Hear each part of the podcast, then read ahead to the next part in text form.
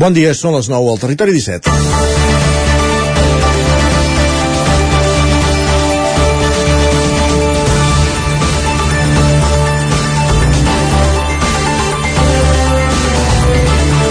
Els patinets elèctrics han deixat de ser una moda per consolidar-se com un mitjà de transport urbà. És una alternativa ecològica, pràctica i econòmica a l'ús del vehicle privat per moure's per la ciutat. El creixement i la seva popularització, sense que hagi anat acompanyada d'una normativa clara i estricta, ha comportat problemes a la via pública i la seva convivència, sobretot amb els vianants. Per aquest motiu, ajuntaments com els de Vic i Manlleu es veuen obligats a fer un pas endavant, ja que la normativa de la Direcció General de Trànsit, la DGT, té moltes llacunes.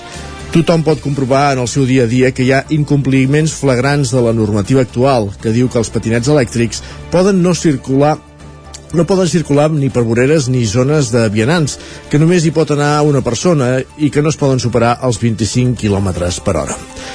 Cal, però, anar més enllà d'exigir que es compleixin aquestes obligacions bàsiques via informació i controls policials per garantir la seguretat de les persones més vulnerables, que són els vianants, si aquests vehicles de mobilitat personal han de conviure a la via pública amb els altres mitjans de transport de la ciutat, cotxes, motocicletes i busos, és imprescindible més que els conductors tinguin uns coneixements bàsics de les normes de circulació.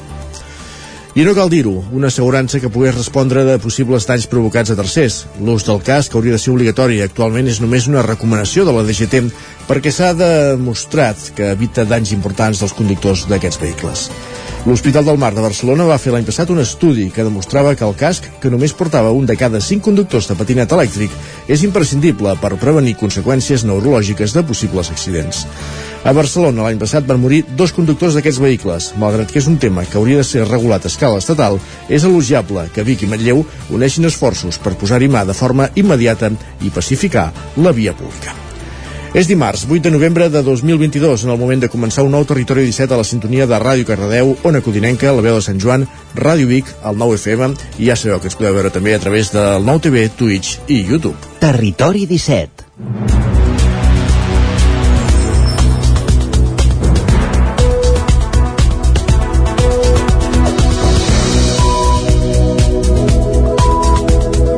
Dos minuts i mig que passen de les 9 del matí, moment en què comença el Territori 17, que us farà companyia des d'ara fins a les 11 del matí, el magazín de les comarques del Ripollès, Osona, el Vallès Oriental i el Moianès.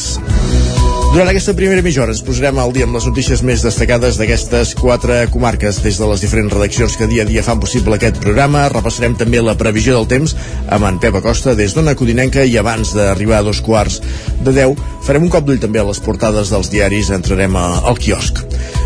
A dos quarts de deu en punt, com cada dia, recollirem les cròniques dels oferts usuaris de la línia del tren en una setmana on a més hi ha vaga uh, la Trenc d'Alba amb l'Isaac Muntades i que ens està fent aquesta sèrie per capítols de les incidències del passat cap de setmana, sobretot dels trams d'Osona i el Ripollès.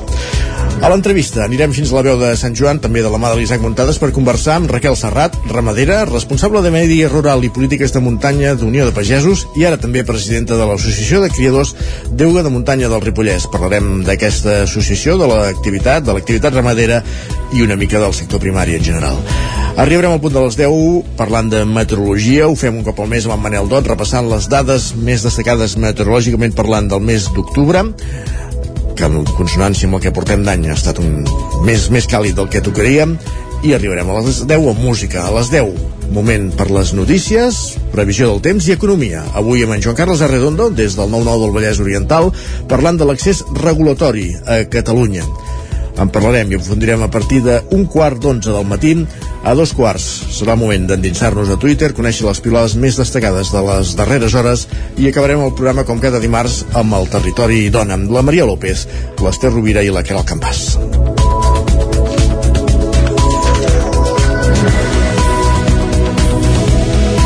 Aquest és el menú que us servirem fins les 11, moment de posar-nos al dia, de, rep de repassar les notícies, els titulars més destacats de les nostres comarques en les darreres hores. L'Ajuntament de Ripoll no pot rehabilitar la façana del consistori perquè s'ha de fer un estudi arqueològic demanat per Cultura. Isaac Muntades, des de la veu de Sant Joan. És qui ens acosta aquesta crònica de les dificultats d'avançar en aquestes obres per part de l'Ajuntament de Ripoll. Obres, com dèiem, a la façana de l'Ajuntament, Isaac. Males notícies per l'Ajuntament de Ripoll pel que fa a la subvenció per rehabilitar la façana del consistori, ja que tot apunta que hi hauran de renunciar, segons va dir el regidor i cap de l'àrea de Territori i Sostenibilitat, Joaquim Colomer, al darrer plenari, arran d'una pregunta formulada pel regidor del PSC, Enric Pérez. La diu socialista va apuntar que pel fet que es demana als propietaris que mantinguin les façanes dels edificis en bones condicions, l'Ajuntament ha de donar exemple i no tenir una mala imatge com l'actual. El consistori havia demanat una subvenció al Departament de Cultura de la Diputació de Girona, però ara han rebut un informe que el reclama fer un estudi arqueològic previ perquè és un edifici que els seus vestigis inicials estaven vinculats a estudis monàstics. Colomer va verbalitzar la decepció del consistori, que es va unir a una primera licitació deserta. El regidor de Junts per Ripoll hauria entès un estudi previ per si s'hagués de fer algun canvi a l'església de Sant Pere o al Museu Etnogràfic, però no en la façana, que requereix una actuació immediata. El dia que va vindre la, la consellera fins i tot el, els problemes que mantenia aquest edifici amb les baranes es va poder ensenyar doncs, de primera mà que era un, un risc es va explicar també doncs, que hi ha una zona de lavabos a baix que no es pot utilitzar perquè cada vegada que hi plou doncs, hi entra l'aigua i ho fa doncs, completament inviable Precisament aprofitant aquesta visita de la consellera de Cultura fa una setmana se li va traslladar aquesta preocupació. En canvi, pel que fa a les actuacions al pont de Calatrava, les notícies eren més positives segons va comentar Pérez. Celebrem que tenim una subvenció de 70.000 euros per part de la Diputació per la supressió de barreres arquitectòniques al pont de Calatrava.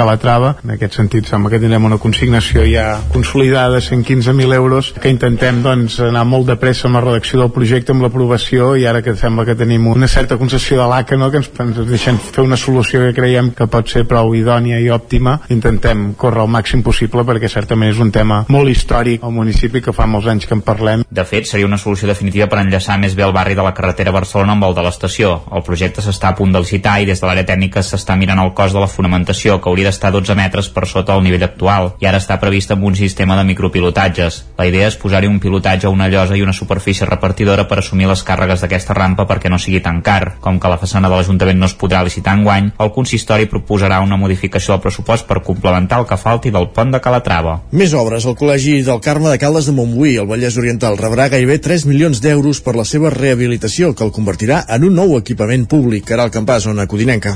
L'Escola del Carme de Caldes de Montbui rebrà 2.800.000 euros provinents dels fons Next Generation dins del Pla de Recuperació, Transformació i Resiliència de l'Estat per tal de dur a terme una rehabilitació integral. L'alcalde de Caldes, Isidre Pineda, detallava en roda de premsa més detalls sobre com s'actuarà en aquest edifici centenari de la Vila Termal que acollirà diversos espais destinats a entitats, així com la nova ubicació de Ràdio Caldes i uns bucs d'assaig per a músics, entre d'altres infraestructures. Aquest és un espai eh, històric del nostre municipi. És un espai que té diferents elements catalogats en el catàleg de patrimoni local, entre ells la, la seva façana i hi ha elements històrics que crec que s'hauran de conservar. I aquí per tant estem parlant d'un dels projectes més ambiciosos que haurà impulsat mai eh, la vila de Caldes de Montbui d'una nova ràdio municipal d'un espai d'entitats, algunes d'elles esportives eh, d'altres culturals, juvenils també estem parlant del futur Institut de Termalisme eh, de Caldes de Montbui de Catalunya, per tant, un espai formatiu que conserva aquesta, aquest tarannà històric que ha tingut l'equipament de l'antiga escola del Carme. Per la seva banda, el regidor d'Urbanisme i Participació Ciutadana de Caldes, Jordi Martín, parlava sobre com s'està dissenyant energèticament aquest projecte per tal de fer-lo el més eficient possible. El que hem fet ha sigut, en aquests, aquests darrers mesos, treballar en un avantprojecte més complet, en el qual s'han tingut molt en compte totes les qüestions d'eficiència energètica d'aquest edifici. Com la rehabilitació d'aquest edifici ha de ser una rehabilitació del segle XXI, amb augment dels aïllaments, amb càlcul sobre totes les, tots els temes d'eficiència energètica de com serà aquest equipament perquè tingui el mínim de consum possible eh, tot i mantenir el confort. L'antic col·legi del Carme està format per un conjunt de tres edificis situats al voltant d'un pati de grans dimensions i està situat en ple casc antic de Caldes en una parcel·la amb una superfície cadastral de gairebé 1.600 metres quadrats. Actualment hi ha 3.236 metres quadrats construïts i es pretén que amb l'impuls d'aquest espai també es doni més vida a aquesta zona del poble. Les obres de rehabilitació d'aquest projecte es preveu que estiguin enllestides l'octubre de 2024. Gràcies, Caral. I encara al Vallès Oriental, l'Acbar instal·la una canonada provisional als carrers afectats per les darreres avaries de Granollers. Pol Grau, Ràdio Televisió, Cardedeu. La matinada de divendres a dissabte es van produir un seguit d'avaries als carrers Hospital i Juan de la Cierva Granollers, on segons detalla l'empresa Akbar, explica que és a causa de l'envelliment de la xarxa d'aigua i pel canvi sobtat de temperatura. El servei es va restablir diumenge a la nit, però ahir dilluns van haver-hi noves avaries. És per això que l'empresa Akbar, d'acord amb l'Ajuntament de Granollers, han muntat una instal·lació provisional per resoldre les incidències que han obligat a interrompre el subministrament als veïns durant el cap de setmana. S'ha decidit muntar una canonada provisional per la vorera del carrer Hospital des del carrer Girona fins al carrer Felip II i pel carrer Juan de la Cierva fins al número 3. Aquesta instal·lació provisional garantirà el subministrament als veïns i veïnes del carrer Hospital mentre es fan les obres de renovació de la canonada. La reparació és dificultosa, ja que la proximitat d'altres serveis com a gas o la xarxa elèctrica de baixa tensió fan que no es pugui fer ús de maquinària i procedir manualment. Si a Granollers tenen problemes amb l'aigua, a Santa Eulàlia de Riu Primer els han tingut amb el foc perquè ha cremat durant més de 24 hores un paller en una granja de Santa Eulàlia de Riu Primer, Osona. Els bombers el van donar per extingit ahir a dos quarts de set del matí. Sergi Vives. L'avís de foc es va donar pels vols de dos quarts de set del matí de diumenge. Els bombers hi van enviar inicialment amb nou dotacions, més tard hi van treballar amb cinc dotacions i finalment durant la nit hi van quedar quatre que continuaven tirant aigua mentre les màquines retroexcavadores eh, movien la palla perquè l'incendi quedés apagat del tot. El foc no ha provocat danys personals ni als animals de la granja i tampoc ha afectat la coberta del paller que està en bon estat segons els bombers. Més qüestions. Obrim pàgina política perquè Junts per Catalunya ha presentat una proposta de resolució al Parlament perquè es construeixi una comissaria dels Mossos d'Esquadra a Manlleu, la reivindicada segona comissaria a la comarca d'Osona. Asseguren que la de Vic no pot donar cobertura als 50 municipis de la comarca i que, de Manlleu, i que la de Manlleu podria donar millor cobertura als pobles del nord d'Osona. Acompanyat de les diputades de Junts per Catalunya, Irene Negre i Janine Abella, els regidors manlleuencs Arnau Rovira i Lluïsa Bautista van ser dimecres al Parlament de Catalunya on van presentar una proposta de resolució perquè es construeixi una comissaria de Mossos d'Esquadra a Manlleu. Una proposta que s'haurà de presentar a la resta de partits i que es portarà en seu parlamentària per sotmetre-la a votació. La construcció d'una comissaria a Manlleu és una reivindicació que ha, agafat força en l'última dècada des de que Junts per Catalunya, des de Junts eh, per Catalunya asseguren que l'àrea bàsica policial de Vic és insuficient i que no pot donar cobertura a tots els municipis de la comarca.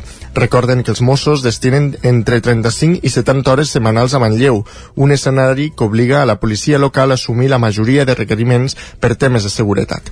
La demanda de Junts dona continuïtat a, la petició que a principis d'any va fer el PSC en una de les esmenes al pressupost de la Generalitat, una petició que no va prosperar és eh, cas, en cas que ara sí que avanci, qui hauria d'executar la iniciativa seria el govern a través de la Conselleria d'Interior, ara mateix en mans d'Esquerra Republicana. L'Ajuntament de Manlleu, que té pendent iniciar la construcció de la nova comissaria de la policia local a l'Avinguda Puigmal, podria projectar el nou equipament en aquesta mateixa ubicació. Més qüestions. La 41a edició de la Fira de la Muntanya de Vic va igualar aquest cap de setmana les seves millors xifres de visitants d'abans de la pandèmia. Pel recinte firal del Sucre, on hi havia uns 40 expositors, hi van passar unes 12.000 persones que podien gaudir de propostes com el clàssic mercat d'ocasió o de les diverses activitats paral·leles. 12.000 visitants van passar aquest cap de setmana per la 41a edició de la Fira de la Muntanya de Vic, una xifra que iguala les millors edicions abans de la pandèmia d'un esdeveniment que va reunir aficionats de l'esport de la muntanya i que oferia propostes per a tots els públics. Titi Roques, el regidor de Fires i Mercats de l'Ajuntament de Vic. L'escalador, escalador, diguéssim, que està més a la zona exterior de, de l'Open Block, que té un gran recorregut, la gent que ve a buscar l'ocasió no, per canviar aquest material, per tant el mercat d'ocasió té un gran atractiu, ahir a la tarda ja es va vendre una mica més dels altres anys, per tant continua tenint aquesta atracció per la gent.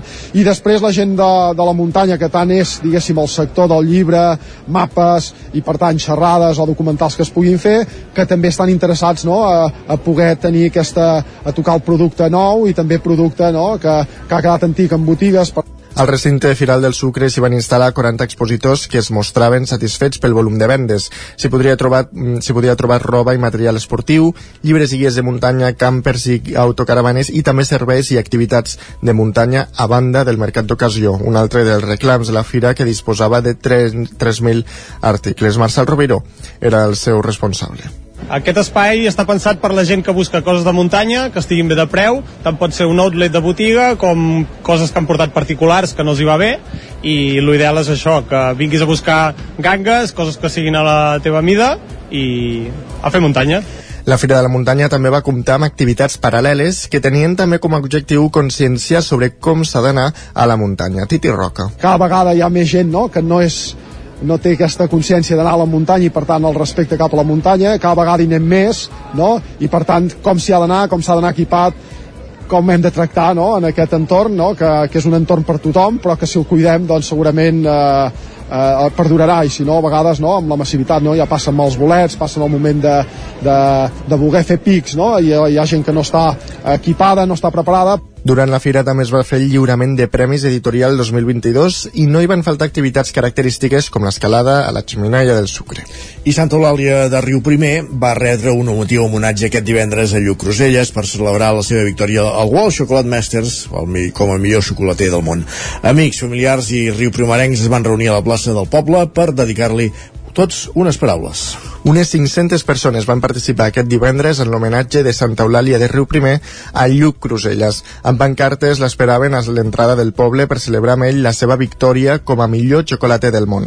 Després de moltes abraçades, Lluc Cruselles es va enfilar a una pick-up i va recórrer el tram de l'entrada del poble fins a la plaça, on hi havia els parlaments. Els primers, el regidor de Cultura de Santa Eulàlia, Jordi Cruselles, i el regidor d'Esports de Vic, Titi Roca cada vegada hi ha més gent no? que no és no té has aconseguit moure tot el poble de Riu Primer i molta més gent, per tant, gràcies sobretot per compartir aquest teu projecte amb tots nosaltres, que ens fa molt feliç. No deixis de somiar per aconseguir el que vols, que estic convençut que ho faràs, però el més important, no deixis mai de ser en Lluc. En Lluc de Santa Eulàlia de Riu Primer, Vic, estarem al teu costat pel que necessitis.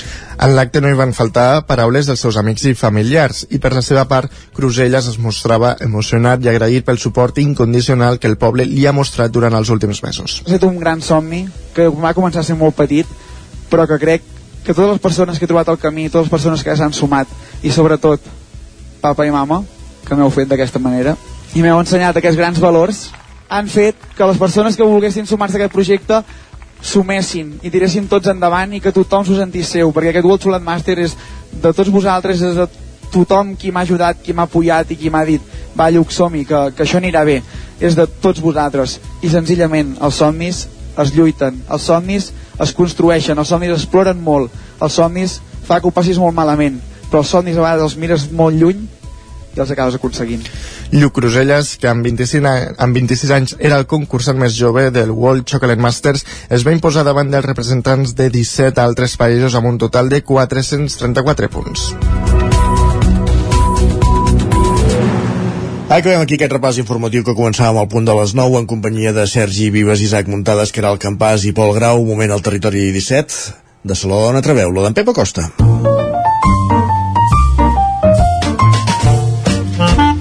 Casa Terradellos us ofereix el temps. És el nostre home del temps, anem a una codinenca, Pep. Bon dia. Molt bon dia.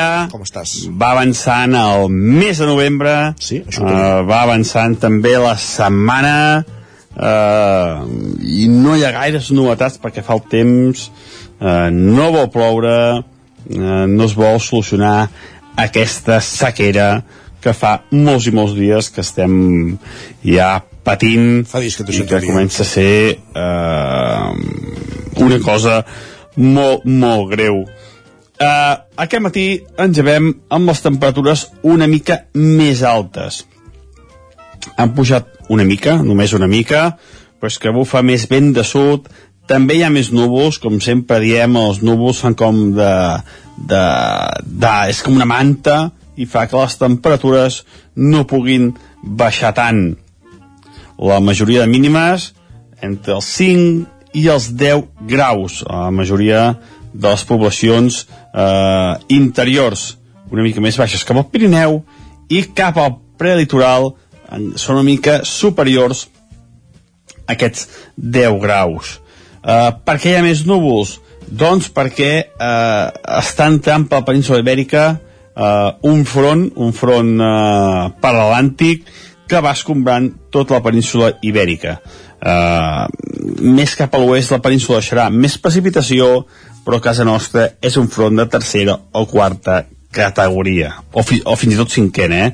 deixarà molt poca molt poca mm, precipitació i deixarà molt poca eh, com ho diria molt poca activitat pel que fa al temps a casa nostra uh, avui uh, durant tot el dia uh, una mica una mica de, de, de núvols uh, molt poca molt poca precipitació gens de precipitació uh, i, la, i un ambient de sud uh, vents de sud que fa que la temperatura pugi.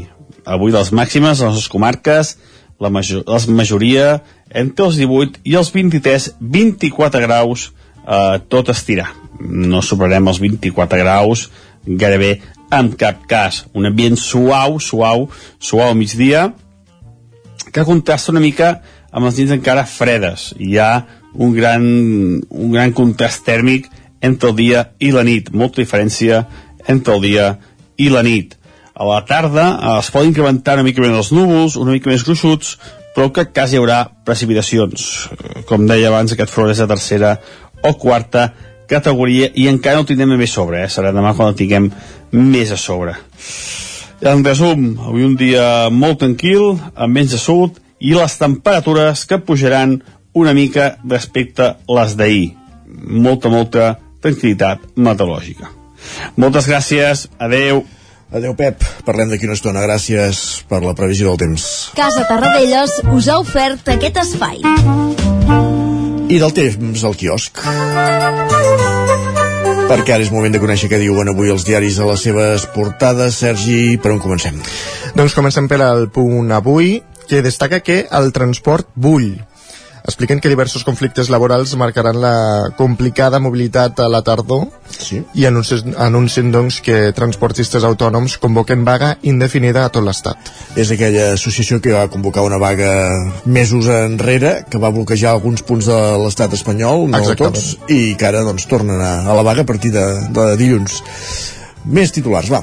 Doncs també destaquen que la gastronomia la, destaquen la gastronomia sostenible així en general i veiem una fotografia de Jordi Roca del celler de Can Roca i diuen que la responsabilitat social i els cuiners que no es veuen, doncs aquests dos temes són els protagonistes del fòrum. El Fòrum Gastronòmic que se celebra aquests dies, des d'ahir fins demà, eh, a la Fira de Barcelona, a Montjuïc. Anem al periòdico que destaca que Espanya i el Senegal llancen una aliança contra la sequera i també destaquen, a més petit, que els transportistes que es van aturar al març convoquen una altra vaga, són aquests que comentàvem ara mateix. L'Ara, per la seva banda, destaca que la indústria i pagesia llancen cada any 55 quilos de menjar per persona. I també destaquen que més vacunes als països pobres i més restriccions als països pobres doncs, haurien evitat 3,8 milions de morts. I també en petit eh, destaquen una declaració que va fer Corina al seu propi podcast. I, i diu que eh, l'emèrit apareixia amb bosses de diners. Regals dels amics. Sí, no? No, no, t'ho fan els teus amics regalar-te Tant de bo, bosses tant de bo. diners? Tant de bo. Bitllets de 500. Què passa? Anem cap a la premsa de Madrid. El país eh, destaca que Brussel·les dona més poder sobre la despesa pública a l'autoritat fiscal independent i també destaquen que els migrants eh, no van rebre assistència sanitària al 24J. Això en referència a aquells vídeos de la tragèdia de Melilla. Sí. I amb una fotografia d'unes dones grans amb uns tàpers anant a demanar menjar el que sembla un punt d'assistència, doncs expliquen que el fred i la gana avancen a Ucraïna. L'ABC fa ocupar gairebé tota la portada amb una fotografia de Yolanda Díaz, mm, que diuen que ja, ja és un problema. Diuen que Podemos repta a la vicepresidenta a que sotmeti el, padre, al partit si vol ser candidata. Vaja, buscant problemes interns, eh? Sí. Recordem els de l'ABC. Sí. Sí, sí, com no. I per altra banda, doncs, també destaquen que els camioners amenacen l'abastiment i l'economia just abans de Nadal. I el Mundo destaca que Díaz doncs, menysprea a Iglesias i seguirà el seu pla al marge de Podemos. I amb una fotografia de soldats ucraïnesos eh, retinguts doncs destaquen un diari d'un reservista rus que diu que eh, estic al front perquè no volia anar a la presó però no desitjo matar i avui La Razón eh, sí. li dedica tota la portada a la presidenta de Madrid. Isabel Díaz Ayuso, La Razón, com pot ser? No? Oi, quina sorpresa. Ara ho has dit. Um, doncs ahir es va fer un acte a la seu d'aquest diari anomenat La Razón de Isabel Díaz Ayuso i aquí ho veiem doncs, amb una fotografia mentre ell estava parlant o fent un discurs. Uh, de tot el que va dir, el que destaquen com a titular principal és que uh, Sánchez s'ha convertit en el Le Pen de l'esquerra a Europa. El Le Pen de l'esquerra, m'agrada aquesta variació de conceptes. Molt sí, bé. sí. I a més a més, doncs, també destaquen que Ayuso uh, té com a objectiu en uh, o sigui, el seu objectiu en política és que Sánchez abandoni la Moncloa, però no és ocupar-la eh, ella després. Home, això no ho pot dir-ho, havent-hi un Feijó pel mig encara. Evidentment. Uh, hem repassat les portades en paper, anem a les digitals? Doncs al 99.cat d'Osona Ripollès uh, uh, trobem doncs, aquesta notícia uh, que comentàvem al principi de l'informatiu. Vicky Manlleu uneixen esforços uh, per regular els patinets elèctrics amb imatges de...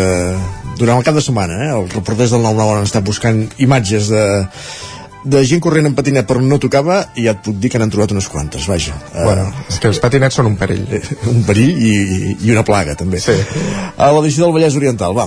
Doncs trobem que un motorista mor en un xoc amb un cotxe a la carretera de Santa Agnès. Doncs titulars que podem trobar avui als diaris, els hem repassat al quiosc i ara amb aquests últims titulars de, que podem llegir a les edicions digitals del 99.cat, aquesta última hora que apuntaves ara, Sergi, d'aquest accident a, a, al Vallès Oriental. Queda recollit. Uh, gràcies, Sergi. I nosaltres avancem amb el territori 17. De seguida anirem cap a la veu de Sant Joan, primer per saludar l'Isaac Muntades amb la tren d'Alba, ja ho sabeu, aquestes cròniques diàries que recollim dels oferts usuaris de la línia R3 després d'un cap de setmana caòtic, amb diverses avaries, eh, fins i tot amb un incident amb el sensor que fa baixar la barrera del passeig de Ripoll que va tenir les barreres abaixades i ningú podia circular per allà, els trens sí, aquest cop, però ni vianants ni, ni vehicles diumenge al matí per Ripoll, una avaria que s'ha repetit dos cops en tres setmanes. Tot plegat ho recull l'Isaac en aquestes cròniques que escoltarem a partir de dos quarts d'onze i després l'entrevista, avui amb la ramadera Raquel Serrat. Ara una pausa per la publicitat i tornem d'aquí tres minuts. Fins ara mateix. El nou FM, la ràdio de casa, al 92.8. Amb Pradell estalvio energia i cuido la meva butxaca i el medi ambient. Posa't en mans a Pradell, són experts en calderes de gas i condensació, estufes de pèl·let, energia solar, terres radiants i geotèrmia. Pradell instal·la calderes de biomassa per a particulars i per a empreses. Si vols estalviar un 50% en consum, contacta amb Pradell i passa't a les energies renovables. Pradell, som a l'Avinguda Països Catalans 27 de Vic.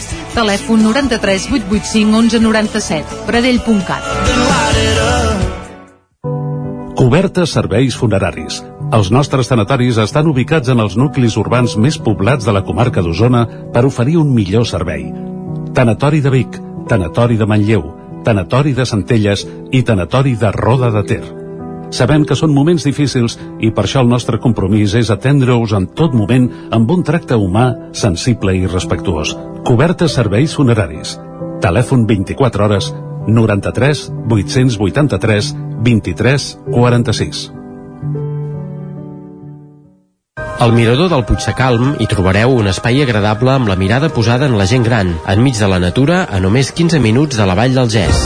Busquem oferir la millor atenció personalitzada per a tots els nostres usuaris, tot des d'un lloc privilegiat al cor de la vall d'en Bas, amb vistes al Puigsecalm. Residència al Mirador del Puigsecalm, un capital humà al servei de les persones. Trobareu tota la informació a miradorpuigsecalm.cat. Has esperat que arribi el fred per comprovar si et funciona bé la caldera?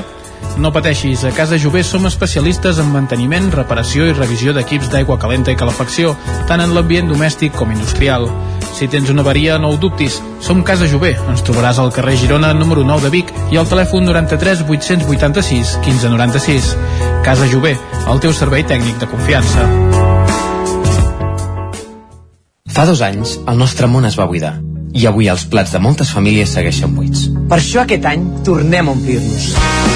Els dies 25 i 26 de novembre... Suma't al voluntariat.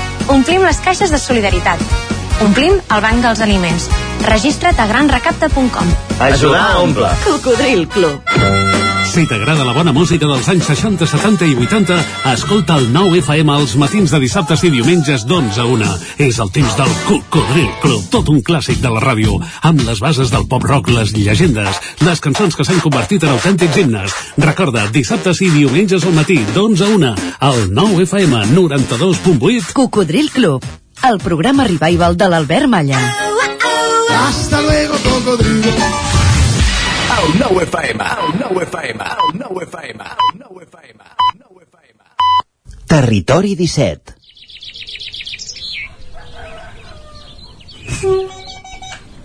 A Tren d'Alba. Cada dia els usuaris i usuàries de la línia R3 de Rodalies que veuen sortir el sol des d'un vagó ens expliquen les gràcies i les penes del primer comboi que uneix Ripoll i Barcelona o les feixugues jornades amb el tren després de treballar. Benvinguts a Tren d'Alba. Ahir vam començar a desgranar el desastre de l'R3 aquest cap de setmana i avui toca parlar de catàstrofes de l'R3 volum 2, la nova sèrie de Netflix sobre la línia maleïda de Rodalies. L'avaria va provocar que a la tarda un maquinista que portava el tren entre Barcelona i Puigcerdà va dir a Ribes de Freser que ja havia complert les 8 hores de servei i que no podia continuar el viatge fins a Puigcerdà, però que finalment va fer-ho perquè els passatgers es van amotinar. Un fet que va desmentir la usuària Ariadna Duran a Twitter. La noia explicava que els havien fet baixar del tren a Manlleu i van pujar cinc autocars per portar tots els passatgers a Ripoll. Aquí va ser on els van explicar que els maquinistes només podien conduir 8 hores seguides per conveni, ja que després han de parar. Les 8 hores del maquinista, entre retards i tot plegat, es van esgotar a Ribes de Freser. El maquinista realment va fer bé la seva feina perquè va informar per megafonia que parava allà i que demanava una autorització per estendre les hores que li van denegar. Conclusió, va decidir seguir el viatge sota la seva responsabilitat perquè si passava alguna cosa, doncs ell en seria l'únic responsable civil. O sigui que se la va jugar per portar a casa els passatgers. Renfe s'ho ha de fer mirar. Crec que en Jordi Valls també va viure el drama de divendres a la tarda. Bon dia, 7 minutets. Soc en Jordi de Centelles. A 7 minutets hem arribat tard amb el tren de la 607. Hem tingut un moment de patiment amb un cada Ripollet. S'ha apagat tot. Sabeu allò de apagar i volver a encender? Jo crec que s'ha fet el maquinista, ho ha fet i ha apagat i, volver, i ha vuelto a encender. Curiós perquè hem vist que el sistema d'avisos intern, les pantalles aquelles funcionen amb Linux perquè ha sortit el ninotet de Linux, el sistema informàtic, per tant alguna cosa hem après.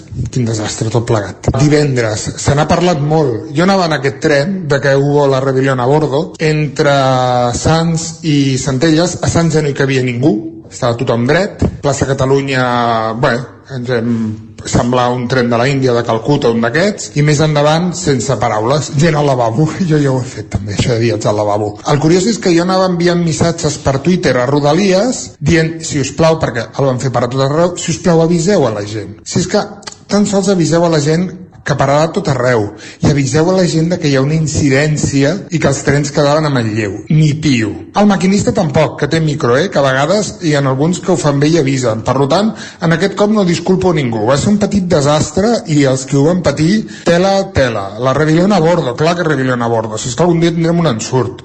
Ho sento, eh, sempre començar el dia així. Segur que algun dia explicaré alguna cosa bona. De, ho prometo. Però de moment amb la Renfe és complicat. Vinga, que vagi molt bé el dimarts i endavant, que hem passat dos dies. Avui ja no es compta que ens hem aixecat. Adéu-siau. Ja ho veieu. En Jordi no disculpa ningú, perquè evidentment, segons com explica, el tracte que els hi van donar va ser del tot inhumà, amb el tren ple i ningú avisant que pararia tot arreu i que a sobre Manlleu se'l recolliria amb autobús. La part positiva de l'autocar és que tots devien poder seure i estar més còmodes, almenys. Va, ens retrobem demà amb més històries del tren i de l'R3. Gràcies, Isaac. Uh, sí que compta avui, eh? encara tenim tot el dia per, per gaudir-lo i per viure'l i per, per viure'l, sobretot. Va, som -hi. Territori 17, el 9 FM, la veu de Sant Joan, Ona Codinenca, Ràdio Cardedeu, Territori 17.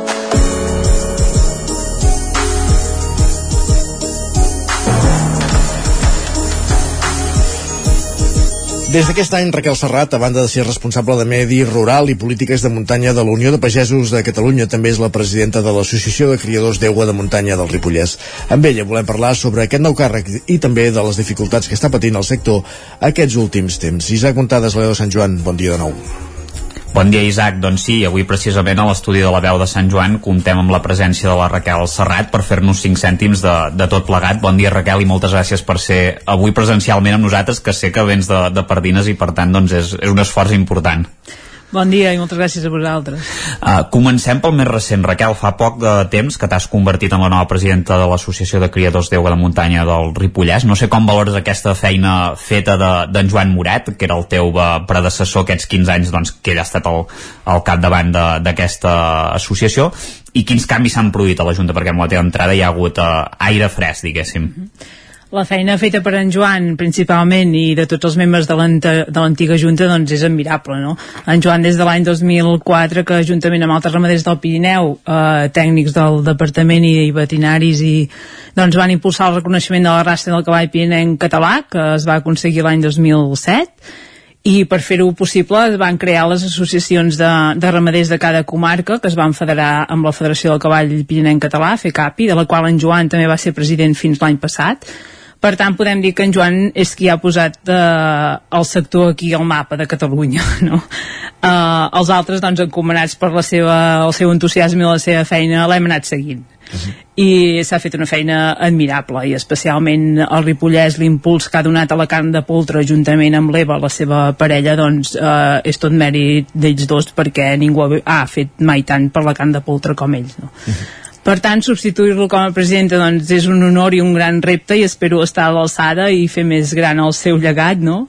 de, de, de tota manera no el deixem plegar, eh? el tenim a la Junta com, com a vocal i aquesta Junta està formada per 10 membres, eh, gent jove i també en presència de ramaderes com la Marissa de Molló, la Cristina de Set Cases i jo mateixa, no? doncs que també ho valorem molt positivament i tots hi som amb moltes ganes de, de treballar, de fer conèixer la feina dels nostres ramaders, la importància del sector aquí per la conservació i gestió del paisatge de la nostra comarca i sobretot doncs, per impulsar el consum de, de la carn de polta perquè arribi cada vegada a més gent. Uh -huh eh, aprofitant doncs, que les xarxes socials és una, és una eina que tenim per fer aquesta feina, d'arribar més gent, eh, fa pocs dies hem obert un Instagram que animo tothom a seguir-nos de l'Associació de Criadors d'Eugues de Muntanya del Ripollès, en el qual doncs, fem precisament això, no? volem presentar els nostres socis, eh, expliquem les propietats de la carn de poltre, a les carnisseries i restaurants on es poden trobar, i anem explicant doncs, curiositats de la, de la raça, del maneig eh, que fem, i doncs, és una manera d'arribar més gent i fer aquesta pedagogia que creiem que és tan necessària.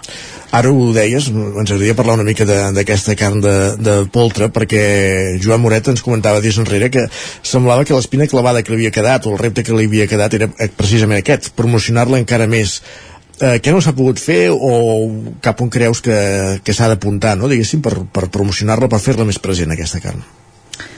Bé, en Joan sempre li sembla que fa poc, però com t'he dit, eh, el que fan i estan, el que han fet i estan fent ella, ell i l'Eva, doncs per la carn de poltre no ho ha fet ningú, no? El Ripollès és la comarca de Catalunya on tenim més carnisseries i restaurants on poder trobar aquesta carn.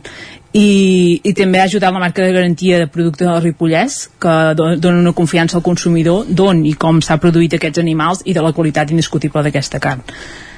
El que ha fallat? Doncs eh, ara faré una mica d'autocrítica al propi sector, perquè és el que ha fallat principalment. Aquí hem cregut eh, realment en el potencial d'aquesta carn i que és el secret per fer fort el sector aquí el cavall pinent català és precisament això, impulsar el consum de la, intern de la carn de poltre, és només el Ripollès. Hi ha comarques i associacions que no fan res sobre aquest tema.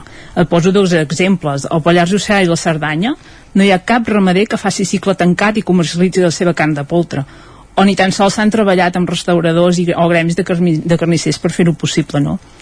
a mi em costa molt d'entendre i no rebel·lar-me contra això perquè oi que ningú entendria que un ramader de boví no mengés vedella? Doncs això en el sector aquí ens està passant hi ha ramaders eh, d'aquí que no volen ni sentir parlar de menjar carn de poltre per tant el que realment eh, ens falta és més convicció dins el propi sector uh -huh. I em demanes què té d'especial aquesta carn doncs eh, estudis científics demostren que és la carn amb un índex, un índex més alt d'omega 3 i de ferro que són imprescindibles pel desenvolupament celular, el sistema immunològic i nerviós i també per reduir el risc de malalties cardiovasculars. Sabem que l'Organització Mundial de la Salut ens recomana consumir menys carn, doncs d'acord, consumim-ne menys, però de més qualitat, no? Eh, una qualitat doncs, que dongui eh, totes les garanties de salut i seguretat alimentària i també sigui de proximitat i sostenible i la, la de Poltre ho compleix tots aquests requisits. Uh -huh. Ara eh, retrocedim uns quants dies en el temps eh, perquè es va celebrar doncs, el, el concurs del cavall pirinenc a, a Llanàs i en poc més d'una setmana, els dies 18 i 19 de novembre doncs, eh, se celebra el concurs nacional a la seu d'Urgell on hi portareu doncs, els millors eh, cavalls de la comarca. De fet a Llanàs ja varen veure bons, bons exemplars. Eh, no sé quins ens, ens destacaries doncs, perquè poguessin fer un bon paper perquè el Ripollès doncs, ha evolucionat genèticament molt bé uh, aquests anys. En Joan Moret deia que el seu favorit uh, per, de semental en aquest cas deia que era en júnior, que em sembla que és de la teva ramaderia, vull dir, t'ha posat una pressió especial, eh? Sí, sí, doncs com dius, cada comarca celebra el seu concurs comarcal i els animals guanyadors dels comarcals doncs, uh, participen als concurs nacional. El concurs nacional és un concurs itinerant que cada any es fa en una comarca diferent del Pirineu i aquest any toca a l'Alt Urgell. Com bé dius, el dia 19 anirem a la Seu, uh, des del Ripollès arriben animals molt impressionants, a la millor genètica dels nostres animals comparat amb els 11 anys que portem de concurs doncs, eh, bueno, és molt gran. En els inicis veiem la necessitat de buscar altres línies genètiques amb altres comarques i, altre, i ara ja som referent per altres comarques que venen a veure i a comprar els nostres animals no? Uh, jo no m'atreveixo a dir en quina categoria podem triomfar els del Ripollès no feu cas al Joan bueno... sí. a, a, a, heu, heu triomfat per això el Ripollès en altres anys uh, heu guanyat sí, algunes sí, categories sí, sí, sí. vull dir que sí, sí, no, dic que no m'atreveixo perquè evidentment tots els animals que arriben a un nacional són animals molt bons no? I, però sí que em comprometo que si tenim un premi al Ripollès us ho comunicarem i un premi comarcal doncs sempre és un honor, un honor per tota l'associació no? evidentment és un reconeixement per la ramaderia premiada però per tota l'associació doncs també repercuteix i aquests concursos nacionals doncs són una trobada molt important de ramaders per conèixer gent, per conèixer això dels animals bons, fer intercanvis i, i, i millorar tot això el que vegi aquests concursos com una competició entre, entre iguals jo crec que s'equivoca no? En, encara en aquest concurs, dies abans vam llegir una piulada teva a Twitter en què explicaves que no havíeu convidat els alts càrrecs del govern de la Generalitat. Uh, sense anar més lluny, fa un any hi havia l'Elisenda Guillaumes, director general d'Agricultura, repartint premis en aquest mateix concurs. Quins són els motius i què, què és el que reclameu, què és el que trobeu a faltar per part de, del govern? Perquè són moltes les veus crítiques que anem sentint des del sector que no s'està apuntant cap on toca. Mm -hmm va ser una proposta que es va plantejar a la Junta i que tothom hi va estar d'acord perquè el concurs és un dia de festa i orgull per nosaltres que requereix doncs, feina i esforç per part de tots els ramaders implicats i que vinguin a fer-se una foto i penjar les xarxes dient que estan al costat del sector quan la resta de l'any no tenen la valentia política suficient per definir quin model de pagesia i de país volen i només fan lleis que queden en un calaix i que no despleguen de la manera que ho han de fer o ho fan en contra del sector primari, doncs no ens semblava just el sector primari, entès com una empresa familiar arrelada del territori, a Catalunya i a tota Europa, està desapareixent a favor de grans indústries i, i els nostres polítics prediquen el que no creuen, perquè per una banda diuen que han d'impulsar aquesta pagesia familiar però, i garantir proximitat, qualitat, equilibri territorial i fixar gent als pobles, però per altra banda doncs, eh, estan apoyant tot el contrari d'això. No?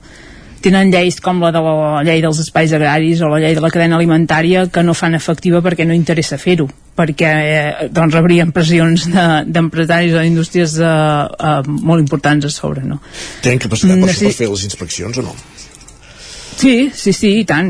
I, I si no, que em posin de recursos. Si hi ha una llei aprovada, l'han de desplegar, no? Uh -huh. Necessitem polítics de veritats que tinguin clar a qui volen defensar i com fer-ho ara només tenim un nivell, un nivell tan mediocre de direccions generals i funcionaris que si no arriba algú a fer neteja això no acabarà bé perquè és insostenible socialment i econòmicament per això es va decidir doncs, convidar a fer l'entrega de premis del concurs doncs, a, a ajuntaments i entitats de la comarca que realment sentim que ens apoyen com a sector. Mm -hmm. Ara fa poc més d'una setmana parlàvem d'això, eh, de, de, de polítics, es va presentar doncs, el pla de ramaderia extensiva, no sé com el veieu, si l'heu pogut mirar una mica per veure si hi ha alguna cosa molt, molt positiva i no sé si falta alguna mesura que consideríeu imprescindible. Mm -hmm. En aquest sentit sí que es va treballar des d'Unió Pagesos i hem estat treballant en la seva redacció. Si s'utilitza i s'utilitza bé, pot ser positiu pel sector, però ens fa por que acabi sent un altre grapat de bones intencions que queden en un calaix i que només haurà servit perquè el partit polític ara té la conselleria doncs es faci una foto al mig d'un prat amb vaques, no? Perquè de moment és això. Uh, el sector no ha rebut informació de què és aquest pla estratègic. Fins a principis d'any no tenen previst fer aquestes jornades informatives que arribin a tot el sector. A més a més és una mesura que han aprovat sense passar per una taula agrària que això és el que hem denunciat perquè això és il·legal. Per tant, bé no comencem no? pot ser una eina útil pel sector si es valora els ramaders i ramaderes d'extensiu com a empresaris professionals i no com a elements del paisatge decoratiu del Pirineu i, i ni com a jardiners funcionaris de la Generalitat no? la funció de la ramaderia extensiva en la prevenció d'incendis és indiscutible i des de que el món és món no hem estat fent sense que ens compensin aquesta, aquesta feina, no? Però no n'hi ha prou, prou. Per una gestió adequada cal també una gestió forestal, uns preus justos pels nostres carn i els nostres animals, serveis bàsics al món rural per fixar persones al territori, una xarxa d'escorxadors de petita capacitat que ja teníem però normatives es van carregar i ara diuen que volen recuperar sabent tant com fan les coses des del govern que som escèptics una mica amb tot no? si, si voleu fer un programa d'aquí 5 anys per fer una valoració d'aquest pla estratègic llavors poder tindrem més clar cap on volen anar no? Ara parlaves que és de 10 anys Ara parlaves dels escorçadors de, de baixa capacitat. Eh, sembla que el del Ripollès, els darrers mesos ja ha hagut un impuls, si més no s'hi ha fet implicar la majoria dels municipis de, de la comarca, només n'hi ha dos que no, que, no, que no hi siguin. Per què és important aquest escorxador? Eh, és suficient amb aquesta oferta pel Ripollès? Perquè ara reclamaves aquests escorxadors de baixa capacitat. Va en aquesta línia o faria falta més serveis? L'escorxador municipal és una infraestructura clau per la supervivència de la extensiva al Ripollès i per les comarques veïnes també perquè venen ramaders petits aquí a, a matar els seus animals no?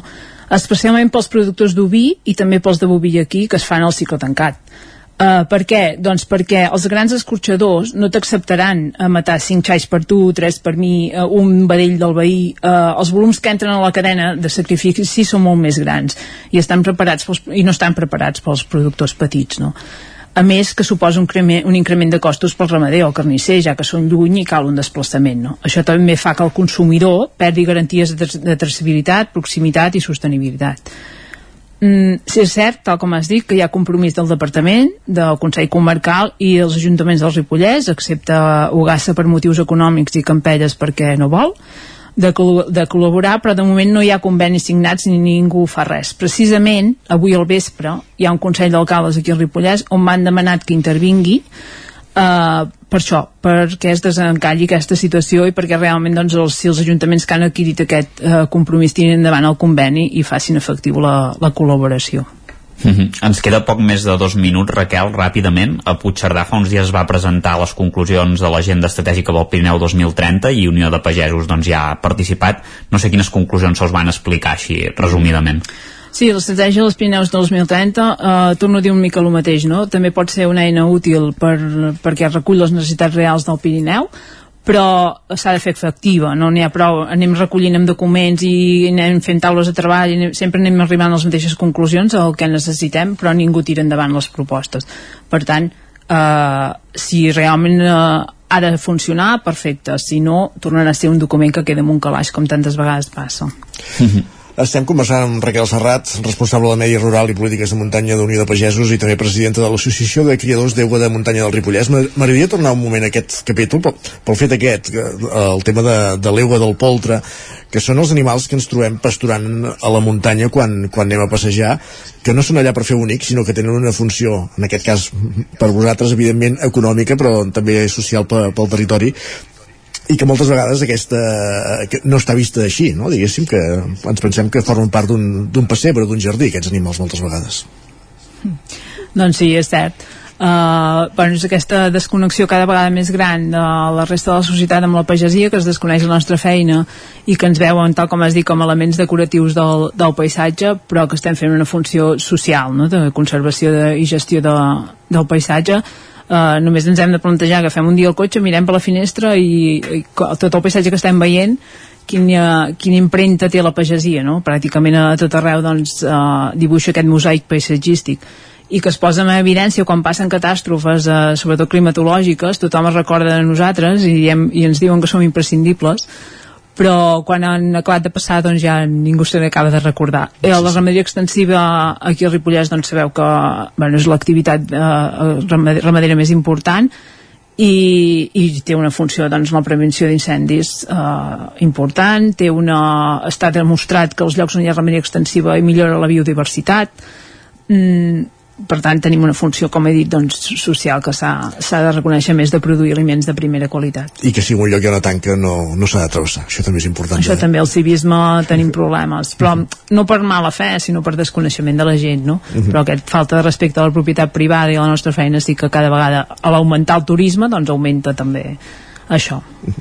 Volíem parlar també dels increments de costos eh, que està patint, com tots els sectors, ja no només el primari, tots, eh, en el vostre cas, amb, amb matèries primeres com és l'aliment i més en un any d'escassetat de pluja, eh, com es presenta l'estiu, eh, l'hivern, perdó, volem dir, ràpidament. Sí, estem bastant per un moment econòmicament que no és fàcil per ningú, Uh, venim de la pandèmia, d'un augment de costos de llum i combustible que ja eren evidents abans de la guerra d'Ucraïna i que aquesta, amb l'especulació amb el gra i altres subministraments, doncs, doncs ha greujat. No?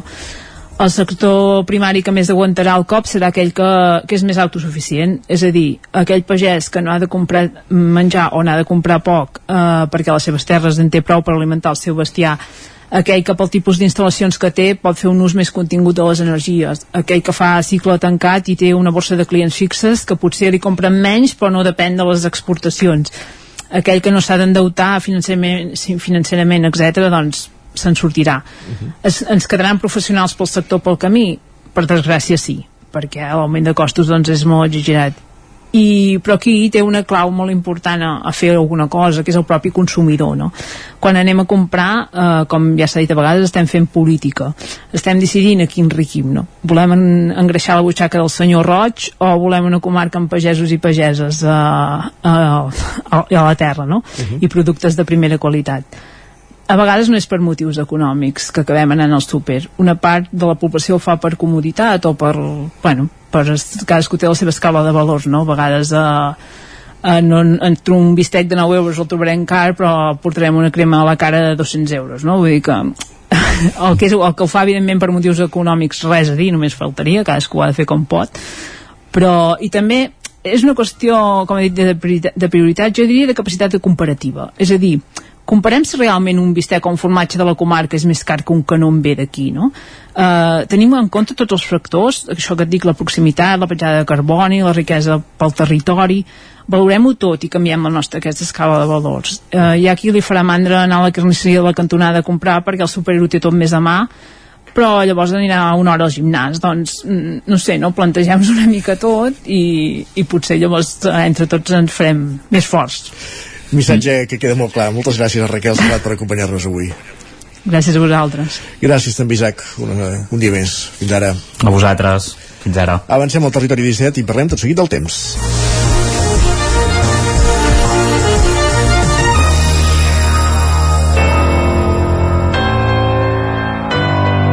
Territori, Territori 17. 17.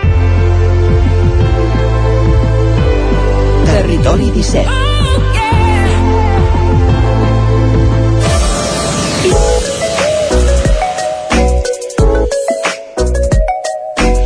Parlem del temps, de fet ho fem un cop al mes amb en Manel Dot de la xarxa d'observadors meteorològics de la comarca d'Osona. Manel, benvinguts, bon dia. Hola, bon dia. Uh, gairebé és recurrent cada mes, eh? diem el mateix. Que sí. Fem balanç del mes anterior, que ha estat un mes eixut, que ha estat un mes eh, calorós, amb temperatures de rècord pel que fa un mes d'octubre, en fi, eh, posa'ns i dades a tot plegat, però em sembla que el títol, els titulars són aquests, oi? Sí, sí, eh, seguim la, la norma dels últims mesos, en aquest podem encara una mica més, eh, perquè tal com has dit ha estat rècord el que és la temperatura mitjana i bueno, qualificaríem de, de càlid i sec eh, pràcticament com, o, com la resta de, de mesos. Eh, pocs canvis hem tingut i el que és a precipitacions a part de la banda, no, ni la banda nord, aquesta vegada a l'octubre és que ha estat sec de veritat a tot arreu. Uh, tant podem dir del Ripollès com podem dir d'Osona com, com de qualsevol altre punt. El més destacat doncs, uh, seria doncs, la temperatura mitjana. Uh, per exemple, ha estat rècord a la majoria dels observatoris, a Vic, per exemple, la mitjana uh, d'aquest mes d'aquest mes d'octubre ha estat de 17,6, quan uh, la climàtica és de 14, o sigui que hi ha una bona diferència. I hauríem d'anar eh, la segona seria la segona més alta seria el 16,8 del 2014 o del 2001 també va ser doncs, eh, dos mesos eh, o sigui dos anys molt càlids al mes d'octubre. Però el rècord seria aquest any amb 17,6 Uh, el que fa precipitacions doncs, uh, litres doncs, no ha estat el rècord però sí que bueno, per poca aigua 3,9 litres per exemple al gas de Vic. Uh, farem una repassada dels altres també però uh, fem, fem el repàs ara de Vic i, i per destacar que és la quarta, eh? no és la, la més baixa, o sigui, precipitació en un mes d'octubre. Eh, per exemple, hi ha el, el, 1970, el 1973 que em va caure 1,7 o el 1997 que em va caure un litre, un litre i una dècima, i el 1970 el més sec amb pràcticament 0 litres. Uh -huh. Uh, això destacar també, per exemple, el que és uh, altres, altres, altres punts de la comarca, a Prats de Lluçanès, per exemple, un dels observatoris també que tenim més anys, és des del 1944, uh, han, han registrat doncs, també un, un octubre doncs, uh, molt sec, els litres totals. Uh, eren, eren 9,3 litres, eh, el 1994, 1944 en van tenir 0,7 o sigui, també eh, va, hi ha hagut algun altre any en plan de pluja que ha estat més sec, no? El problema de, de, ja no és l'octubre, el problema és tot el que portem acumulat. Sí, el problema és tot l'any, tornava a dir. Sí, sí. De totes maneres, eh, ja ho dèiem el mes passat, els punts eh, com aquí del Lluçanès, eh, Vidranès, encara de nhi que ha plogut, perquè, per exemple, el que és a Prats de Lluçanès porten el total de l'any 696,82 litres eh, per exemple a Sant Pere de Torelló o sigui, a Sant Pere de Torelló en amunt eh, molt, no molt en amunt Vidrà, eh, sí, eh, per Vidrà passen dels 800 però després eh, queda curta encara també eh? a Sant Pere de Torelló 624,7 litres eh, i si ens en anem eh, Matlleu per exemple en 450,4 però és que sí, eh, anem avant al Ripollès eh, els litres totals de l'any porten a Gombreny 671,8 a Ribes de Freser 785 o Sant Pau de Segúries, bueno, no tinc el total de l'any, però també portàvem bastant baix eh, el total del mes a Sant Pau de Segúries a 7 de 17,3 litres, que també és molt, molt, molt poc. El, el que anava a dir, el, el que fa, eh, o sigui, a pluja de, de, de posem de Sant Pere, de, de Torelló en amunt, eh, sí. encara ha plogut una mica, però la resta res, misèria, poca cosa el que sí que és evident que cada cop es nota més amb, amb l'estat de, dels rius, eh, que portem molts anys veient, molts mesos veient-los uh -huh. molt, molt, amb, molt po, amb molt poca aigua. Sí, eh, és clar, és que això és, el que ha plogut menys és a la banda, bueno, a la banda nord eh, el cas dels capçaleres dels rius ha plogut poc eh, ens va fer una enfarinada ara que va fer una nevadeta però és que allò és misèria ja, que pràcticament no hi ha res ja i, i ja et dic que de la banda de muntanya doncs, eh, temperatures altes i poca, poca precipitació també. Eh, l'únic que hi ha aquesta franja doncs, que hem estat de sort i que, que ha plogut que és la banda del, del Lluçanès eh, punts del Berguedà eh, el sud del Ripollès però la resta res, misèria i vam veure al setembre que començaven a sortir alguns bolets perquè havia plogut una mica i ens hem uh Mhm. -huh. emocionat però la cosa s'ha quedat aquí com està ara al bosc no, està sec, està sec I no hi ha res. res, res, res. Eh, sí, tinc algun company que hi ha anat a mirar-ho i ha trobat algun fredoluc sec escarransit que clar, falta aigua, no, no, no ha plogut prou com per pagar d'allò uh -huh. uh, que a més, bueno el, és que pràcticament uh, ha estat això un més càlid i sec i eh, destacar doncs, que la, el problema que hem tingut ha estat el mateix de, de, dels últims mesos i és que s'ha situat la perturbació aquesta que s'ha situat entre, davant de les costes de Portugal i Galícia ha deixat molta aigua en tota aquella zona pràcticament els hi ha plogut quasi bé cada dia i però la que arribaven aquí ens arribaven doncs, les escorreines eh, com passen de, venen de l'Atlàntic generalment si no és que es, que es munti algun sarau o una llevantada en el cantó nostre es, es reforci i es, i es, i o sigui, es, es munti aquests, aquests, aquests llevants que, que falten ara Uh -huh. doncs eh, poca aigua ens arriba des d'aquella zona d'allà. Allà ho ha plogut molt però aquí res, misèria això és, ha estat el mes d'octubre un mes d'octubre en què anàvem amb màniga curta, de fet pràcticament cada dia i el fred ha començat a arribar tímidament al novembre i, i aquesta setmana s'ha accentuat alguna galçada al Pirineu però poca cosa encara eh? Bueno, el Pirineu i aquí, aquí de la Plana també, eh? També? Sí, home, hi ha els punts més fondos i bueno, jo, el que és a Vic i vam arribar, a mínima va ser de 0,2 o sigui, de diumenge, dissabte, entre dissabte, diumenge i dilluns van ser les més baixes eh, hi va haver aquesta entrada d'aire fred que va entrar i ens va baixar les, va normalitzar les temperatures. I el que a les mínimes, per exemple, el que és eh, els punts més fondos com és a Baix Bujons, eh, Sant, Sant Sadurní d'Ossos Morts, uh -huh. en allà van arribar pràcticament a fregar els dos sota zero, eh, aquí, tal com deia, 0 graus, o per exemple a Sant Fores en menys 0,7, eh, o, els mínims, o sigui, es van normalitzar una mica però la tendència ara ja torna a ser a pujar avui mateix ja teníem 6 o 7 graus de, de positius eh, i els punts més fondos doncs en tenien 3, 2, 3, 4 graus o sigui ja, la tendència és a tornar a pujar i amb aquella oscil·lació tèrmica pròpia d'aquesta època de l'any que al migdia quan, quan surt el sol llavors sí. puja molt la temperatura i és l'època dels costivats eh? sí. això va bé pels farmacèutics exacte per nosaltres no eh, doncs sí, el contrast aquest tèrmic que hi ha entre el matí i les hores centrals del dia eh, home, hi, ha, hi ha un dia que ha passat dels 20 graus de, de, de 20 graus de, de, o sigui, d'entre de, la mínima i la màxima ha passat dels 20 graus. Eh, de moment és que ni boires, és clar, si no plou no hi ha humitat, si no hi ha humitat no hi ha boires. O sigui la cosa està, està així i com es veu la setmana?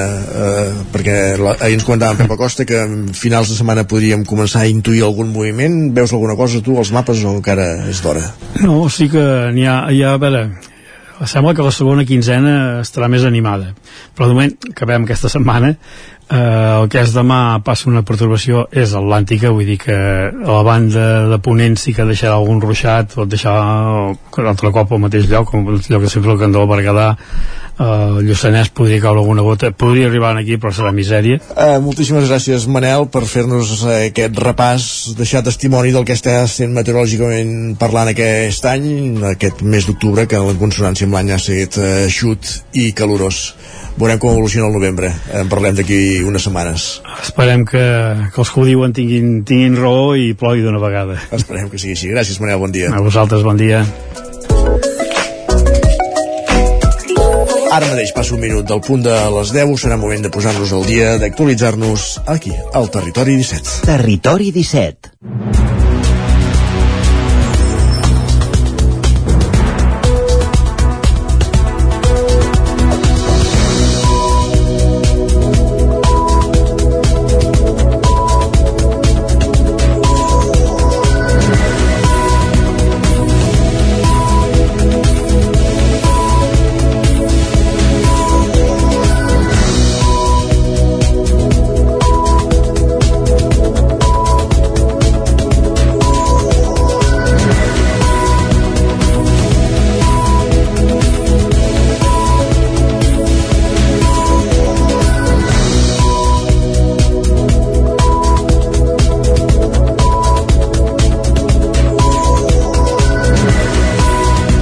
Minut i mig que passen de les 10, moment de posar-nos al dia amb les notícies més destacades de les nostres comarques, el territori 17, el Ripollès, el Vallès Oriental, el Moianès i Osona.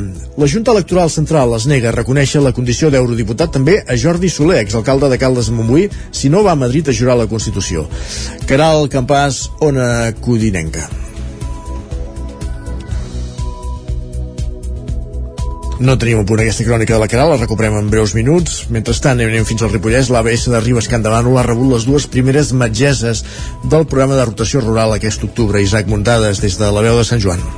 Maria Carrera i Alejandra Ramos són dues metgeses de segon any de residència en l'àmbit de la medicina familiar i comunitària que han estat les primeres a escollir l'àrea bàsica de salut de Ribes de Freser Camp de Bànol com a centre de rotació rural per fer-hi una estada d'un mes per conèixer de primera mà com es treballa i funciona en aquest entorn, amb dues metgeses que formen part de la unitat docent metropolitana nord de l'ABS de Can Mariner de Santa Coloma de Gramenet, al Barcelonès, van estar treballant durant el passat mes d'octubre entre els centres d'atenció primària de Ribes de Freser i Camp de Bànol. Carrera apuntava que tenia ganes de sortir de Barcelona per veure una zona més rural i envoltada de muntanyes. Podem escoltar les diferències que han notat les dues amb un cap de la zona metropolitana. A mi una de les coses que més m'ha xocat d'estar aquí és veure el tracte metge-pacient, que he vist que és molt diferent del que tenim allà, ho veig molt més familiar, es coneix més a la família, m'ha semblat més la definició del metge de família, ¿no? com més involucrat amb el pacient. La gran diferencia que he visto yo de trabajo aquí con respecto a nuestro trabajo en Barcelona es el tiempo que le podemos dedicar a cada cada paciente. En Barcelona, por ejemplo, pues tenemos una agenda mucho más amplia, con lo cual el trato con el paciente es un poco más rápido porque tenemos relativamente poco tiempo por cada paciente y aquí, sin embargo, pues tenemos una agenda eh, algo más pequeña y con lo cual podemos eh, dedicar más tiempo a, a cada paciente. Carrera recomanava aquesta experiència sense dubtar-ho perquè pot ser una possibilitat molt real per anar-hi treballar un cop acabin la residència. Gràcies, Isaac. L'ecologisme, el feminisme, la repressió o el municipalisme van centrar la taula rodona que dissabte va inaugurar el programa d'actes del desè aniversari de la CUP de Torelló, un aniversari que arriba a només sis mesos de les eleccions municipals, al maig del 2023, Sergi Vives. David Fernández, Pau Jubilà i Eulàlia Reguant van ser dissabte els protagonistes de l'acte que va obrir la celebració dels 10 anys de la CUP a Torelló.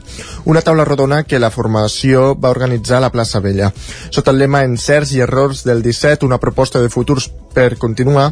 L'acte també va comptar amb la participació de l'exregidora del consistori toro, torellonenc Montse Ayats i de la periodista Mariona Fonseré en el paper de moderadora. L'ecologisme, el feminisme i la repressió van ser alguns dels eixos de la taula rodona que va centrar-se en gran part en el paper del municipalisme, una eina clau per entendre els primers 10 anys de la CUP Torelló, una dècada marcada pel procés independentista i l'escenari d'excepció permanent que va comportar. Així ho explicava David Fernández, exdiputat de la CUP. No hi ha república sense municipalisme i és aquest poder democràtic local el que l'octubre del 17 va fer entendre a mitja Europa que estava passant. Quan surten els alcaldes no, amb les vares aquell, aquell dia d'octubre, molta, molta, molta gent d'Europa, d'altes instàncies, va entendre la imatge, perquè era una imatge tan democràtica i tan republicana i tan constituent eh, que sense baix, o sigui, no hi ha país, sense, el país al final són els seus municipis, no? I amb el convenciment que el municipalisme és indispensable, és indispensable la CUP ha activat ja tots els motors de cara a les eleccions municipals de 2023. Per Eulàlia Reguant, diputada de la CUP al Parlament de Catalunya, els comicis han de permetre a la formació consolidar espais de creació de comunitat i de persones transformadores que vagin més enllà de les parets dels ajuntaments. Si les encara amb, amb el convenciment que els municipis són indispensables eh, per construir, com deia, país, però també per, per avançar en la resolució del conflicte que tenim amb l'Estat i, per tant, amb una voluntat de construir sobiranies, però també de eh, ser conscients de que el conflicte amb el que són sempre amb el que és l'estatus quo i els poders fàctics d'arreu és indispensable perquè les classes populars d'arreu i dels pobles també eh, puguin veure no, millorar les seves condicions de vida. De la primera dècada de la formació que va començar a caminar a l'octubre de 2012, Francesc Manrique, portaveu de la CUP Torelló, en fa una valoració positiva molt positius o sigui, uh, el que fas mai ho consideres suficient i sempre t'hauria agradat fer més, evidentment però al final hem aconseguit entrar a l'Ajuntament tenir-hi una representació important i al final s'hi ficar sobre la taula moltes qüestions que si nosaltres haguéssim sigut no s'haurien fet. Creiem que estem plenament capacitats per, per governar, per poder aplicar moltes més de les propostes que hem fet al programa i ara estem en el procés això de confeccionar la llista i de confeccionar el programa. El programa dels 10 anys de la CUP Torelló reprendrà aquest dijous. A les 7 de la tarda, el fotoperiodista Jordi Borràs serà al bar L'Animal presentant tots els colors del negre. I ara sí, recuperem la crònica que us anunciàvem a l'inici d'aquest informatiu. La Junta Electoral Central es nega a reconèixer la condició d'eurodiputat a Jordi Soler, alcalde de Caldes de Montbui, si no va a Madrid a jurar la Constitució, que era el campàs, zona codinenca. Aquesta qüestió es repeteix en els casos dels eurodiputats de Junts a l'exili, Carles Puigdemont, Clara Ponsatí i Toni Comín, vinculat a Castellterçol. Avui podem conèixer l'opinió del republicà Jordi Soler, qui afirma que no els ha sorprès, però sí que ho han rebut amb certa perplexitat. Considera, a més, més que hi ha el precedent de 2019, quan una sentència del Tribunal Europeu en el mateix cas donava la raó a Oriol Junqueras. Uh, nosaltres entenem, entenem que no, de fet hi ha una sentència de l'any uh, 2019 uh, que feia referència a la situació de l'escó de, de l'Oriol Junqueras i la seva immunitat i aquesta sentència diu clarament que un esdevé eurodiputat des del moment que queden proclamats eh, i publicats els resultats electorals.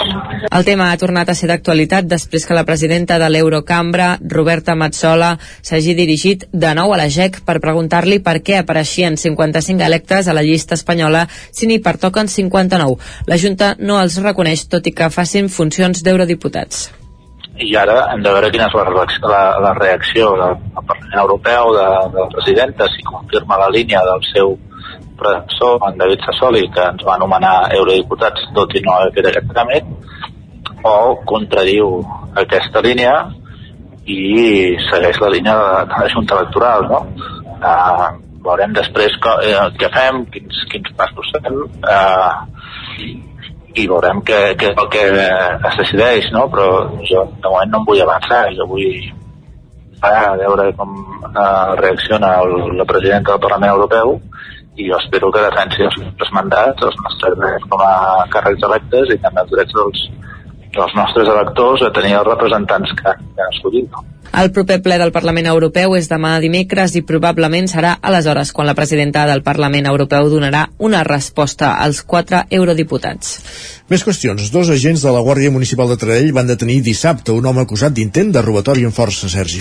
Els agents van ser alertats pels veïns i quan, va arribar, quan van arribar van trobar l'home ferit. Tenia una ordre de prohibició de l'espai Schengen i era, i era buscat per la Policia Nacional i la policia italiana. Una segona persona es va amagar i va fugir. Al lloc dels fets també s'hi van desplaçar una ambulància del sistema d'emergències mèdiques i els Mossos d'Esquadra. I Olost es va omplir de gent diumenge per rebre el rei Flip VI. Era una de les escenes especials de la 14a Fira d'en Roca Guinarda, que tornava al poble després d'una aturada de dos anys a causa de la pandèmia. Els visitants van poder veure diferents escenes teatrals amb humor al voltant de la figura del bandoler Roca Guinarda i també passejar entre la cinquantena de parades d'artesania de la fira. La Fira de Roca Guinarda d'enguany tenia una visita especial, la del rei Flip VI. Era una de les escenes més esperades de la fira que gira al voltant del bandoler, una figura que també reivindiquen. Xavi Font és l'organitzador de la fira i Josep Maria Freixanet és l'alcalde d'Olost.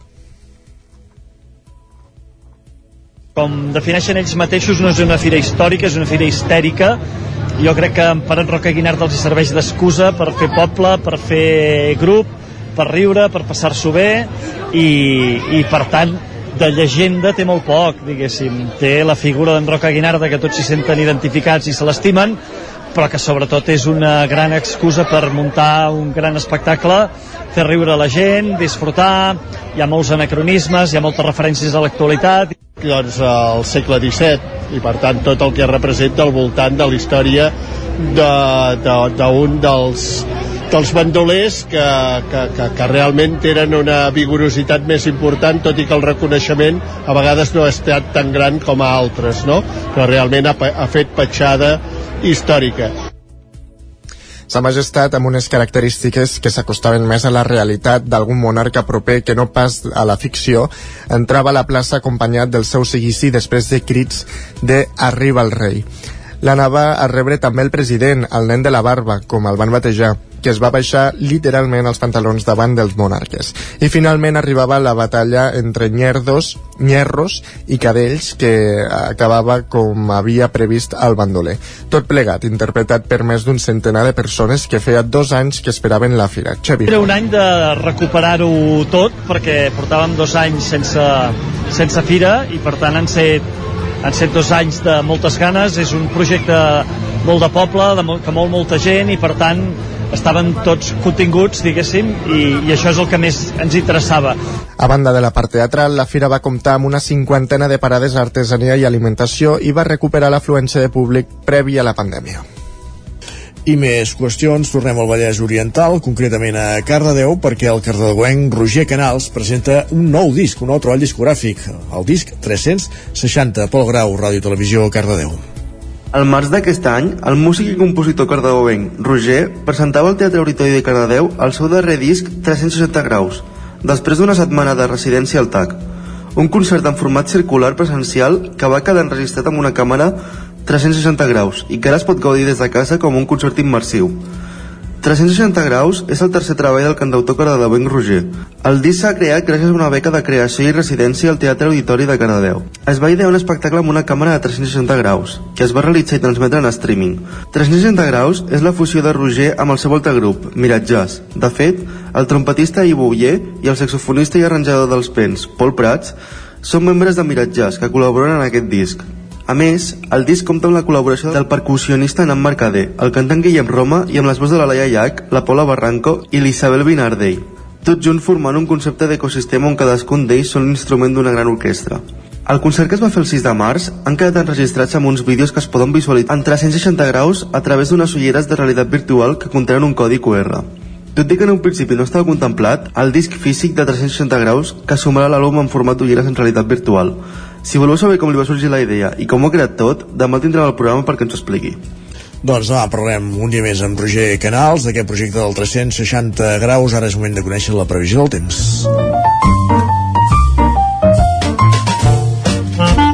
Casa Terradellos us ofereix el temps. Doncs va, saludem de nou en Pep Costa. Com ha començat el dia? Molt bon dia. Per què hi ha més núvols? Doncs perquè eh, està entrant per la península ibèrica eh, un front, un front eh, per l'Atlàntic que va escombrant tota la península ibèrica. Eh, més cap a l'oest la península deixarà més precipitació, però a casa nostra és un front de tercera o quarta categoria, o, fi, o fins i tot cinquena, eh? Deixarà molt poca, molt poca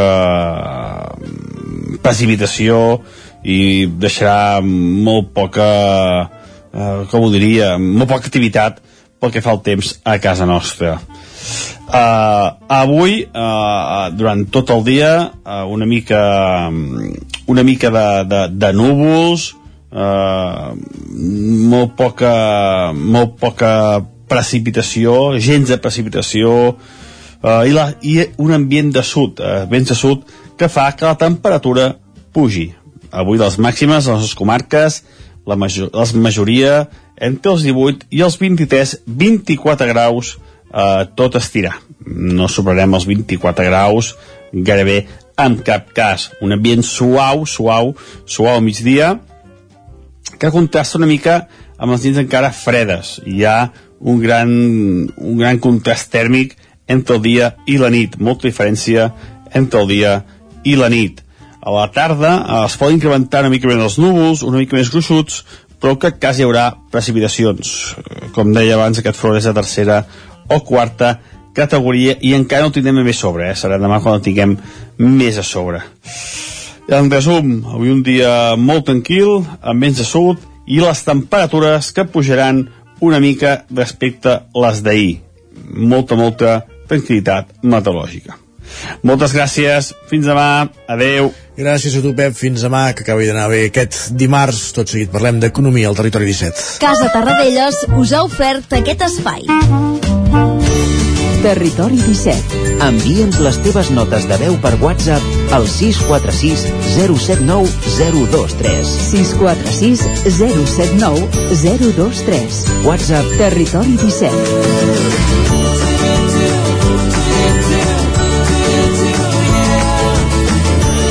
Territori 17. Som a Facebook, Twitter i Instagram amb l'usuari Territori 17.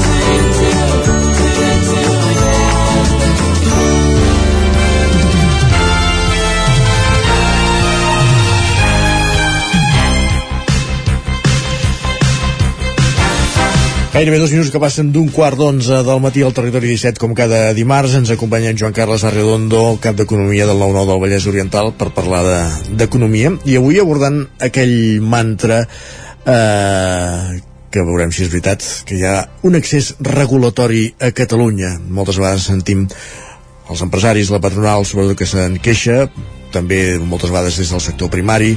Joan Carles Arredondo, bon dia. Ara, perdó, Deixes posar-lo una mica retrospectiu? Oh, i tant, tant com vulguis. Vale, doncs, eh, som-hi. Mira, és que ara fa cinc anys hi havia un fenomen de deslocalització d'empreses, eh? Sí. eh? Hi havia mm, això, aquest fenomen de deslocalització d'empreses i que tot això va donar peu a un dels exercicis propagandístics més colossals de la història recent fem memòria, eh? estem parlant dels, de, del temps del procés, el referèndum, les gestualitats secessionistes eh, i eh, a Catalunya va haver-hi un nombre gens men preable d'empreses que van buscar aixopluc jurídic fora del país en la inscripció de les respectives seus socials en altres punts. Eh, va ser sobretot a Madrid, però també al País Valencià. Eh? Això, això ho van fer, per exemple, dues de les entitats més emblemàtiques eh, de, CaixaBank de, del, del paisatge empresarial català com, com CaixaBank i, i el Banc Sabadell parlem d'exercici propagandístic perquè el missatge que es pretenia difondre no era tan fiscal o jurídic que en la majoria dels casos era el veritable motor dels canvis de seu, sinó polític. Eh? El missatge eh, als catalans era que la independència els faria més pobres, els deixaria sense empreses on treballar, etc. No? Un missatge fals.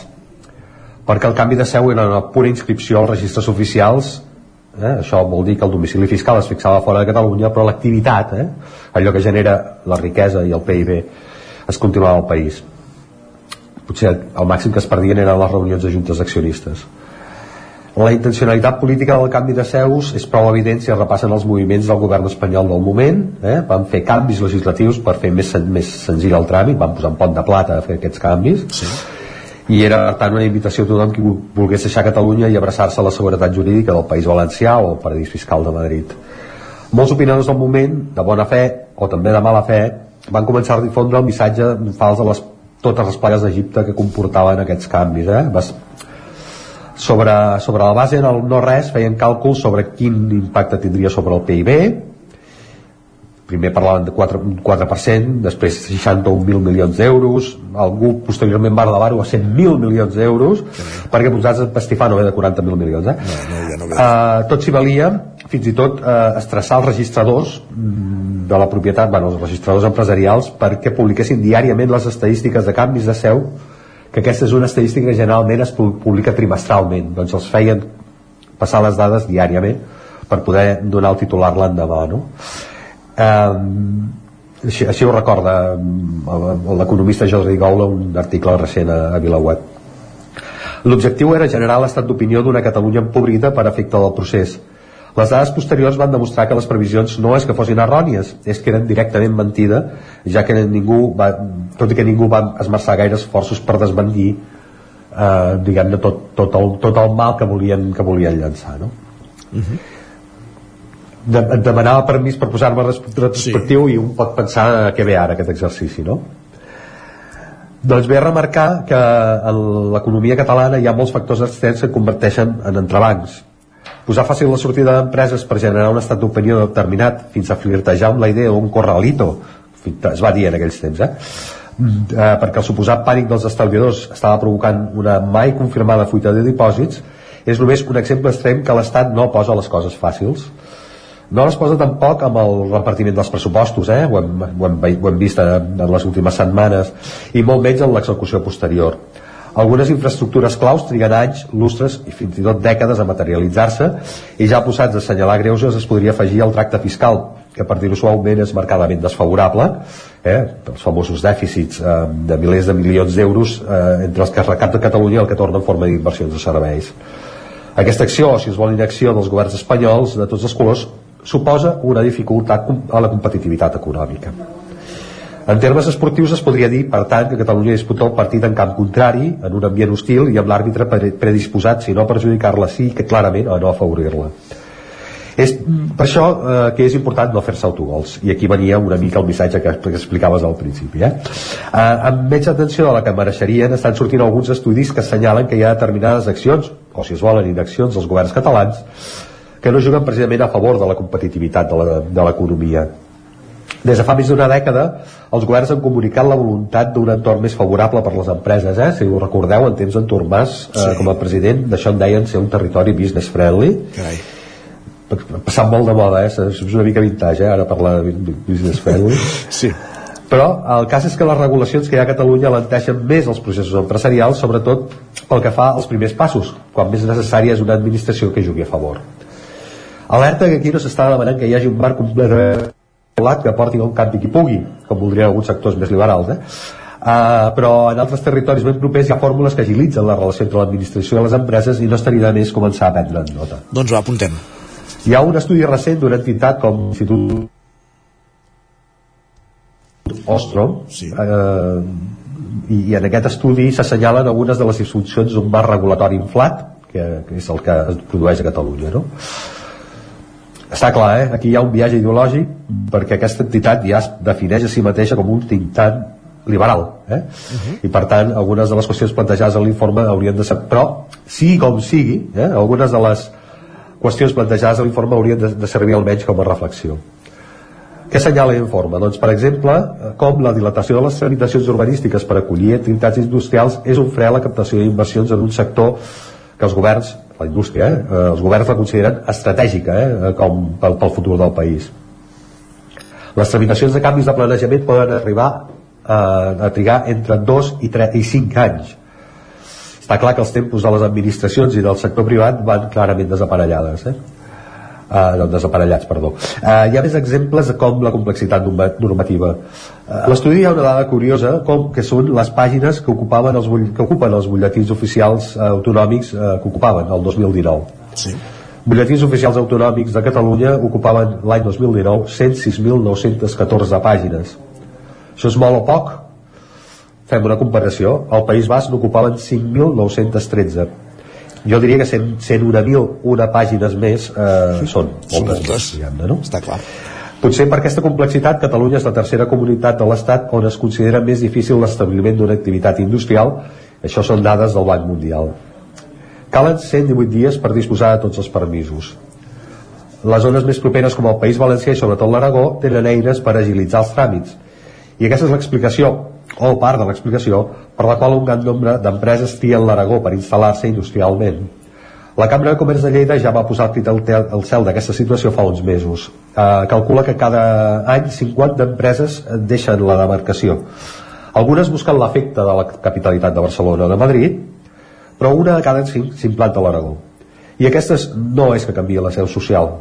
Aquestes el que fan és endur-se tota l'activitat i això sí que computen el PIB i diguem-ne que a Lleida no li és precisament favorable que li marxi PIB industrial. Està clar.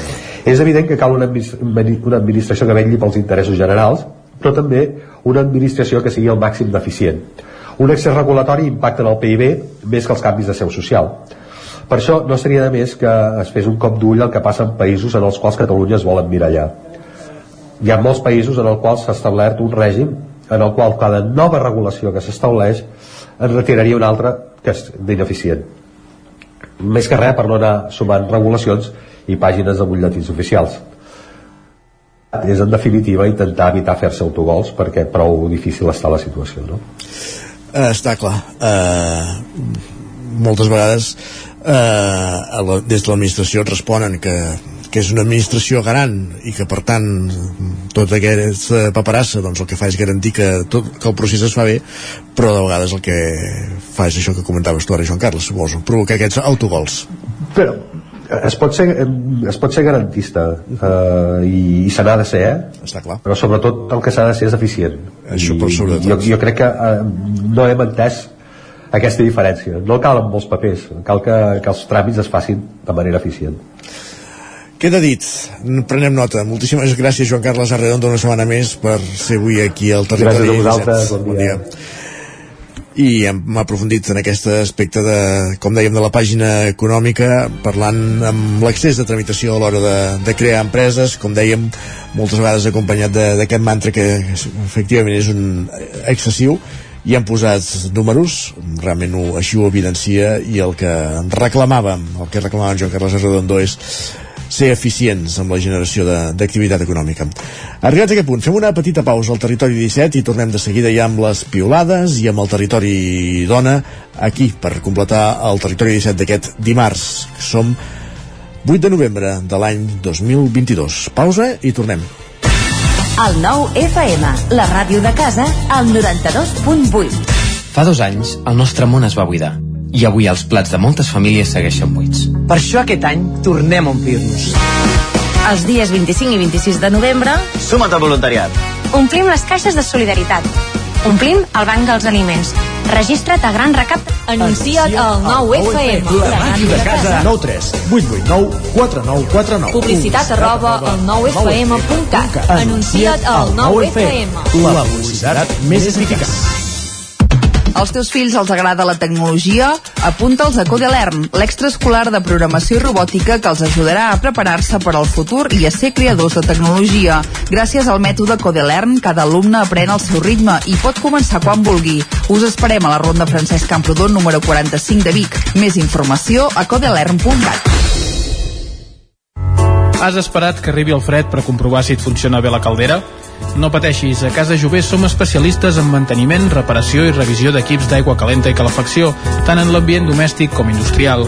Si tens una avaria, no ho dubtis. Som Casa Jové. Ens trobaràs al carrer Girona, número 9 de Vic i al telèfon 93 886 1596. Casa Jové, el teu servei tècnic de confiança. Amb Pradell estalvio energia i cuido la meva butxaca i el medi ambient. Posa't en mans a Pradell, són experts en calderes de gas i condensació, estufes de pèl·let, energia solar, terres radiants i geotèrmia. Pradell instal·la calderes de biomassa per a particulars i per a empreses. Si vols estalviar un 50% en consum, contacta amb Pradell i passa't a les energies renovables. Pradell, som a l'Avinguda Països Catalans 27 de Vic. Telèfon 93 885 11 97. Pradell.cat. Fa dos anys, el nostre món es va buidar. I avui els plats de moltes famílies segueixen buits. Per això aquest any tornem a omplir-nos. Els dies 25 i 26 de novembre Suma't al voluntariat. omplim les caixes de solidaritat. Omplim el banc dels aliments. Registra't a granrecapta.com. Ajudar a omple. Anuncia't al 9FM. La màquina de casa. 9 3 8 8 9 4 9 4 9. Publicitat arroba al 9FM.cat. Anuncia't al 9FM. La publicitat més eficaç. Cocodril Club. Si t'agrada la bona música dels anys 60, 70 i 80, escolta el 9 FM els matins de dissabtes i diumenges d'11 a 1. És el temps del Cocodril Club, tot un clàssic de la ràdio, amb les bases del pop-rock, les llegendes, les cançons que s'han convertit en autèntics himnes. Recorda, dissabtes i diumenges al matí, d'11 a 1, al 9 FM 92.8. Cocodril Club, el programa revival de l'Albert Malla. Hasta luego, cocodrilo. El 9 FM. El 9 FM. El 9 FM. En punt, dos quarts d'onze.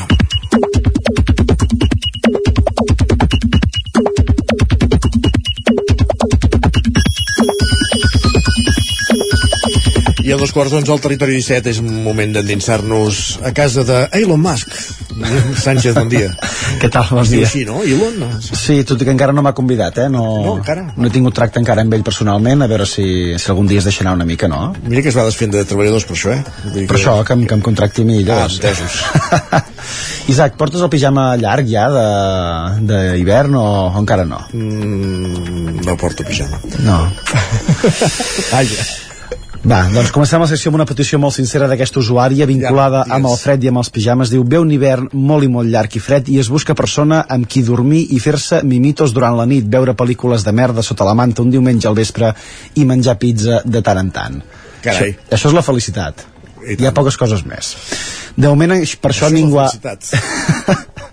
De moment no ha respost encara ningú a aquest, a aquest tuit. Anirem seguint, eh, a veure si hi ha alguna, hi ha alguna petició. noia? Uh, és que el nom d'usuari no queda bé dir-lo aquestes hores per la, per la ràdio. Així ja, tampoc la podem trobar, doncs, eh, llavors. Bueno, en fi. Uh, bé, uh, ja t'ho diré en privat, llavors. Entesos. Va, no, no, el- no, és que tingués un interès personal, eh? Ho deia per, per fer-ho extensiu a l'audiència, però vaja, va. Bé, si algú té algun dubte que ens, que ens contacti. Va, i és que el fred, encara que no ho sembli, porta coses bones també, com els que ens destaca la Míriam en aquest missatge. Es diu, el que sí m'agrada del fred són les dutxes amb aigua ben calenta i el pijama de franela, això sí. Home, jo tinc el record també de deixar el pijama al radiador i quan surts de la dutxa poder-te'l posar calent, ostres, això és... Això no es paga amb La diners. calefacció a casa és amb terra radiant, no puc tenir un radiador L'has de posar al terra, llavors. De gastre. Va, què més? I, I la mare ens fa el següent apunt, ens diu la sensació de llevar-te, obrir la finestra i que entri tot el fred mentre tu estàs dins del llit amb el nòrdic i mirant per la finestra. També hi faltaria una música d'aquelles així contemplatives i ja tens un, un bon tros de, de pel·lícula. Va, jo encara no m'explico per això l'outfit de la Sandra, que ens diu fred, són quarts de nou del matí i, segueix, i segueixo anant amb calces curtes i sense mitjons i no sóc l'única. No deu ser de Vic, o de la plana de Vic. No, em sembla que hi havia una fotografia dintre d'algun mitjà de transport públic, per Ah, tant, entesos. potser deus de ser de prop de la capital, que és més fàcil que faci una miqueta més de... Allà sí que de dins calor. el transport públic la calor humana eh, Sí, fa amana, la seva feina. amana bastant. Sí. Va, i canviem una mica de tema. Isaac, no sé si recordes les paraules de Piqué en el seu comiat el dissabte al Camp Sí. Nou. Les tens al cap, oi? Sí. Doncs l'Elisenda ens posa una mica més de context aquest mateix matí ens diu Shakira i Piqué tanquen les negociacions i Shakira s'emporta els nens a Miami. El sentit que pren la frase quan et fas gran aprens a estimar vol dir deixar marxar, diu avui és demolidor. Ah, de fet, algú ja ho apuntava dissabte, Eh sí, eh? dissabte mateix. Eh Això, que sí? allà on ha dit Barça jo poso Shakira, vaja. Bueno, per tant, haurà de, de començar a, a, a comprar bitllets cap a Miami o anar buscant residència també cap allà, no? Va, i no sé si ho sabeu, però des d'aquest dilluns a la nit el Barça torna a ser líder de primera divisió per la derrota del Madrid d'aquest dilluns. Aquesta usuària ens fa un resum ràpid de com està el futbol. Ens diu, vinc a alegrar-vos el dia informant-vos que el Madrid ha perdut, el Barça torna a ser líder i l'Espanyol està a un punt del descens. De res, descanseu. Bona nit. Avui comença una altra jornada, per cert. Sí, correcte, i fins al dijous, que em sembla que ja, ja és l'últim, oi, abans del, Sí, del Mundial? que sí. Doncs bé, a seguir-la fins al dijous. I no sé per això si els aficionats del Barça s'han endut una alegria o no després del sorteig de l'Europa League, que també es confirmava ahir. La Catalina ens fa un apunt que m'agradaria que algú calculés de veritat. Ens diu, estaria bé que algú d'algun programa de ràdio o televisió, no diu qui, diu, entrevistés un matemàtic per calcular la probabilitat encadenada que en els dos sortejos al Barça li toquessin els rivals més complicats possibles. I jo avanço que per pur atzar la possibilitat es deu acostar molt a zero si algú que domina de números ho vol fer i ens ho vol fer arribar també que, que, ens, ho, que ens ho comenti A mi m'agrada aquesta Europa League perquè és, és com tornar al passat, no? Sí. Cristiano Ronaldo amb un equip, Mourinho amb un altre... Sí, hi ha molta cosa vella i... Sí, rància, eh? Sí, ara, ara anava a dir aquesta paraula que no sé si es podia dir per la, per la ràdio. Clar, llavors algú dirà, i el Barça què? Doncs, També una miqueta. Va, per acabar, dos apunts molt ràpids. Aquesta aportació de la Marta m'ha fet molta gràcia. Diu, cap ciutat catalana sense la seva fira medieval o el seu festival de novel·la negra. Amb això Vic és, li, és capdavantera amb, el- amb el mercat medieval oficial de no- novel·la negra encara no, tot i que es van fent coses a la biblioteca, no? Sí, em sembla... Jo, jo anava, anava per aquí, Isaac, em sembla que hi ha alguna primera aportació, per tant, ens estem acostant cap a l'ideal de, la, de la Marta. I la resposta a d'en... Osona van ser pioners a Taradell, eh? amb Correcte. Taradell Noir. Correcte, i en, Xavier, i en Xavier que li respon a la Marta diu Fira de novel·la negra medieval Next Coping. No es descarta mai res, eh, perquè aquí ens inventem qualsevol cosa per Sí, seguir sí. parlant de... Pensa que aquest any el mercat medieval només ocupa una part del pont, perquè és eh, allò, aquell pont perfecte, doncs l'altra part podem fer la... La fira del llibre medieval. No donguis idees, Isaac. Va, gràcies, Guillem. Ens escoltem demà. Adéu.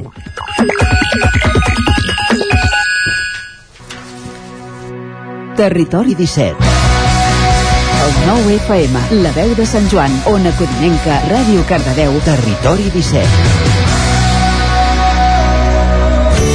Territori 17. Envia'ns les teves notes de veu per WhatsApp al 646 079 023. 646 079 023. WhatsApp Territori 17.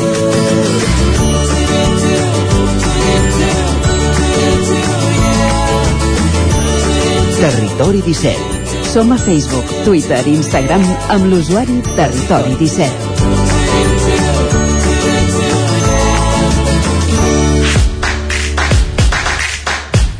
Sis minuts que passen de dos quarts d'onze i entrem al territori dona. Saludem primer de tot la Maria López. Benvinguda, bon dia.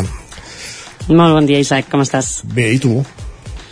A punt? Doncs aquí, preparada per un nou Territori Dona, ja sabeu aquesta tertúlia de batalla que fem les companyes de Territori 17 amb la intenció de trencar tabús i de qüestionar-nos cada dia tot el que encara ens queda per fer per una societat més justa i que parti definitivament el masclisme dels nostres titulars.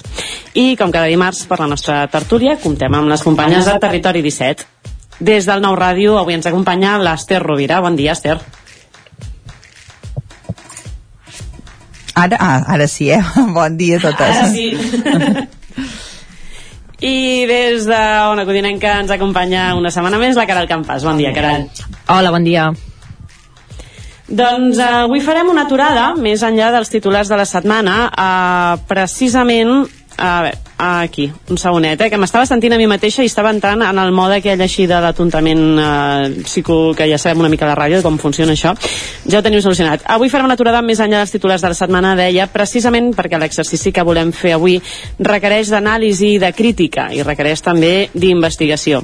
I si requereix de tots aquests esforços és perquè durant molts anys s'ha navegat en direcció contrària. El tema és que avui volem parlar d'invisibilitat de moltes dones al llarg de la història. Científiques, escriptores, dones que han estat determinants per la història de la humanitat, esportistes i un llarg etc.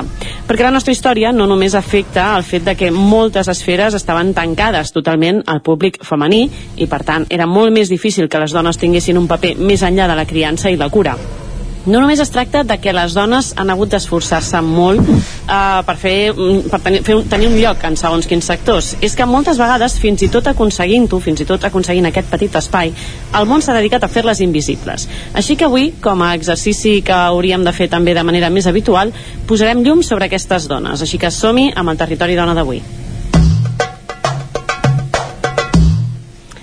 Uh, Esther, Caral, crec que el fet de que les dones hem estat invisibilitzades al llarg de la història és un fet. Us explico que fa uns mesos aquí a Cardedeu vam organitzar un concurs al voltant dels objectius de desenvolupament sostenible uh, on convidàvem els tres instituts d'aquí de, del municipi a fer diverses proves. No? I una de les proves, uh, que estava basada en l'objectiu de desenvolupament d'igualtat de gènere, consistia precisament a reconèixer alguns personatges femenins a partir de les fotografies.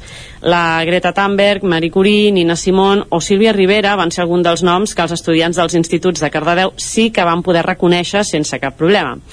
Ara, això no estaria gens malament si no fos perquè aquests estudiants havien tingut durant un mes unes fitxes per aprendre's aquests noms i fer consciència. Uh, no sé vosaltres si us veuríeu capaces avui dia de resoldre una prova d'aquest tipus, que us comencessin a passar fotos, no, no l'he preparada, eh? ho dic ara, no, no tremoleu allò de veure que la Maria ara en sortirà aquí en fotos i l'haurem liat. Us atreviríeu? O sigui, penseu que amb el que hem après nosaltres a les nostres escoles podríem resoldre una prova d'aquest tipus? Amb aquests noms, per exemple, que us he dit, no? una foto de Marie Curie o de Nina Simón, la sabríeu reconèixer ràpidament? Jo crec que segurament no, perquè la història sempre l'han escrit eh, els que tenien el poder, per tant això vol dir homes, no? androcentrisme, eh, patriarcat i, i sense tenir en compte la, la visió de, de les dones ni, ni el que feien també perquè evidentment eh, al llarg de la història la socialització d'homes i dones el que han fet uns i altres ha estat diferent i per tant molt poca visibilitat el que han fet les, les dones i potser algunes d'aquestes que, que deies evidentment perquè perquè potser són figures um, amb molta repercussió a nivell mundial, però la majoria de, de dones uh, les hem vist tan poc que, que no tenim una imatge al, al cap de, de qui són, no? Mm. Jo coincideixo amb això, o sigui, fins i tot amb assignatures com Història de l'Art o, o Història de Normal sembla que només estiguin fetes per homes, no? I, i en, en història de l'art concretament que ens parlen de, de pintors a, al batxillerat, si, si estudies l'assignatura, mm, sembla que no hagin existit dones eh, més enllà de la Frida Kahlo al llarg de la història quan uh, sí que, sí que n'hi ha i a part uh, hi ha aquesta um, segona conseqüència que és que com que no ens, no ens en parlen ni tampoc ens les ensenyen no hi podem posar cara. Uh, a diferència de si Salvador Dalí tothom sap quina cara fa Salvador Dalí uh, però amb, amb dones és més complicat Veig aquí precisament, vull dir, està clar que tots podríem fer més coses des dels mateixos mitjans de comunicació, podríem fer segurament molt més per aquesta visibilitat, però el problema jo crec que està més, més endins, no? és un problema més d'arrel i que crec que en gran part parteix de l'educació. Aquest fet succeeix principalment perquè el sistema educatiu en els llibres de text d'història, per exemple, són protagonitzats per personatges masculins i de fet l'Ester ho deia ara, no? la història està escrita per homes, deu ser aquest el, el lema principal. Uh, bé, perdoneu, les figures de, femenines també són representades. Això sí, es veu que elles no inventen res, no escriuen res, o no opinen res, o no descobreixen res, ni canten, ni fan esports, ni actuen. Uh, definitivament no fan res perquè el que han de fer és cuidar, ser filles de, ser homes, uh, parelles de, ser netes de, ser netes de. O sigui, quan apareixen als llibres d'història normalment són com a acompanyant de. Uh, perquè més o menys us feu una idea, uh, les dones rellevants representades als llibres educatius són molt poques. Hi ha un estudi de la Universitat de València que es diu Anàlisi de l'absència de dones als manuals de l'ESO, una genealogia del coneixement ocultada, aquest estudi recull 115 llibres de 19 assignatures diferents que s'imparteixen a tota l'ESO. Aquest estudi data que hi ha 5.527 persones de referència citades en tots aquests llibres, en aquests 115 llibres. D'aquestes persones, 690, 690 són dones, que és un percentatge del 12,8%. La resta, estem parlant d'un 88%, són homes. Ara bé, si calculem quantes d'aquestes dones de les que es parlen es presenten com a dones rellevants i no com a esposa de o filla de, trobem que el tant per cent disminueix al 7,5% del total. La resta, aquest 92,5%, la resta de tots els llibres de l'ESO són homes. Uh, aquí podríem discutir molt sobre el que dèiem a la intro, no? Si d'alguna manera hi ha un tema de que hi havia molts camps que estaven directament uh, vetats o no, no estaven representats per dones i fins a quin punt hi eren aquestes dones però no se'ls hi donava o no subratllava la seva, la seva presència. D'altra banda, l'Observatori de Llibres de Text de l'Institut Català Internacional per la Pau també corrobora la poca representació femenina als llibres de text educatius. Aquest estudi conclou que un 35% dels casos, en les dones que apareixen als llibres, s'esmenten a causa de la seva relació amb una figura masculina. Per tant, es pot obviar amb aquestes dades i les experiències pròpies de cadascú durant la seva etapa educativa obligatòria que les dones en la majoria dels casos no són representades per mèrits propis. Les seves representacions tendeixen a ser causa de les seves relacions sentimentals o familiars amb els homes que les envolten. I aquí us vull fer una, una pregunta uh, molt clara. Si vosaltres tireu enrere la vostra etapa escolar, quins noms de dona em podríeu dir que, que, que recordeu d'aquella etapa? Quins noms de, de dona teniu claríssimament que jo me'n recordo d'aquest full amb aquesta foto? Us ve algun al cap? Silenci, cara de dubtes. no sé la Caral, però, però costa, Vaja. eh? Sí, a veure, la que he comentat abans, Frida Kahlo, mm, potser podria ser uh, un nom que ens sonés bastant, Marie Curie també, Marie força Curie, que... jo és l'única que recordo, eh, Marie Curie, del llibre de, de Naturals. Crec que no recordo cap més. Clar, eh, ens quedaríem escasses, jo penso. Vull dir, Sí, potser més podríem dir- endavant amb alguna assignatura de literatura eh, Exacte. potser sí, eh, no? Eh, sobretot amb literatura catalana algunes Montserrat dones, Roig. exacte, no? Sí. Eh, Mercè Rodoreda eh, més, més Mm. properes però al llarg de la història Mhm. molt poques Sí, a nivell de filosofia també eh, Simone de Beauvoir o altres també, eh, també eh, pioneres en el feminisme també ens poden sonar, però tampoc és que ens n'hagin parlat gaire a les aules, jo crec. Doncs està clar que aquí tenim moltíssima feina per fer i com des del territori, territori dona doncs ens agrada també anar ajudant a fer aquesta feina. Avui posarem sobre la taula alguns d'aquests noms, oi que sí, companyes? Uh, comencem per tu, Esther, que has fet també una, aquí una petita recerca per visibilitzar aquestes dones. Sí, començant per el que ens és més proper, no?, per, per Catalunya, um, i arran d'una publicació que van fer la revista Sàpiens i l'Institut Català de les Dones, justament per, per això, per, no?, per, per visibilitzar uh, aquestes dones que s'han menys tingut i invisibilitzat al llarg de, de la història de, de Catalunya. Després la, la Caral crec que, que ens n'explicarà d'altres um, a nivell mundial, no?, però a casa nostra, uh, per exemple, en aquest recull se'n van arribar uh, a trobar fins a 65 eh, des de l'edat mitjana fins, a, fins als nostres temps i si us sembla us en destacaré eh, algunes eh, perquè, perquè posen molt d'evidència que, que sempre hi ha hagut una primera dona no? que, que, que doncs, ha fet alguna cosa que, que en el seu moment ha, ha sigut important perquè justament perquè s'ha hagut de celebrar que era la primera que ho aconseguia fer no? um, per exemple us destaco la, la primera que és uh, Guinadilda de Cerdanya que es considera la mare de la pàtria uh, ella era comtessa i um, segurament el qui coneixereu és el, el seu marit que era Guifre el, uh, el Pilós uh, que surt a qualsevol llibre evidentment d'història de, de Catalunya però en canvi ella que va ser tota una dona d'estat i que doncs, uh, va participar en molta presa de decisions uh, és quasi impossible no? de, de trobar o el d'una de les seves filles Emma de Barcelona que va ser uh, abadessa de, de Sant Joan de les Abadesses um, i que no va triar el seu futur però s'hi va adaptar uh, per ser religiosa i diuen que amb una personalitat carismàtica i grans dots de gestió va fundar la primera comunitat de monges de, del país. Uh, un altre d'aquests noms invisibilitzats, Elisava, que és una misteriosa artista medieval, um, uh, nascuda, es creu, uh, l'any 1100, tot i que no hi ha uh, gaire informació sobre qui podia ser, però en un segle en què uh, doncs això, les dones uh, només s'esperava que deixessin per la posteritat els seus fills, uh, ella creia en la, en la bellesa del que creava i va ser una de les poques dones medievals que va signar la, la seva obra uh, com a artista. Uh, una altra, coneguda com a Ana Mercadera, era una dona pagesa de, de Paralada, de, de l'Empordà, i una una dona guerrera, perquè enmig de, de la croada que el papa havia impulsat contra la corona d'Aragó, eh, ella no es va deixar de morir per les tropes enemigues i eh, fins i tot eh, Pere el Gran ho recull en una de les seves cròniques explicant que mentre doncs, molta gent vivia temorida, ella es va vestir d'home i va sortir als horts, que era una zona eh, doncs, perillosa perquè quedava fora de, de, de les muralles, va anar a buscar cols que necessitava per cuinar i desafiant doncs, tot d'homes que, que les atemorien.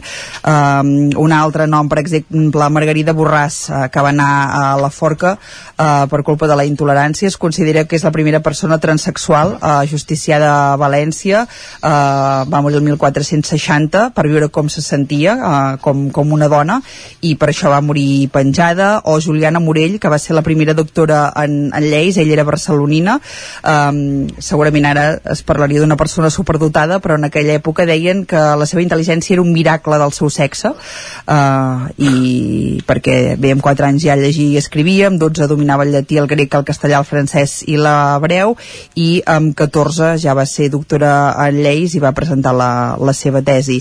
Altres noms que també segur que, que els associareu ràpid, Joaquima de, de Badruna, que, que va fundar eh, doncs una congregació religiosa per educar nenes de tota classe social, la doctora Concepció Alexandra, eh, que ella també era valenciana i va ser una de les primeres llicenciades en Medicina de, de l'estat espanyol, Teresa Claramunt, eh, que era una narcosindicalista eh, de Sabadell eh, i que a causa del seu compromís social amb la defensa dels drets dels treballadors va passar moltes temporades a la presó i a l'exili, o Maria Pi Sunyer, que va ser una pionera del feminisme a, a casa nostra eh, i que va doncs, intentar portar la seva visió oberta del món, eh, sent de les primeres, això que deia, feministes de Catalunya, eh, o Maria Luz Morales, que va ser eh, una periodista apassionada pel cinema, el teatre i la moda i es va convertir en la primera dona al capdavant de l'avantguàrdia, uh, i us en dic un parell més si voleu, Josefina Torrents aquesta pionera de, de l'esport, també barcelonina uh, va començar amb natació amb 15 anys i va ser una de les estrelles del Club Natació Barcelona.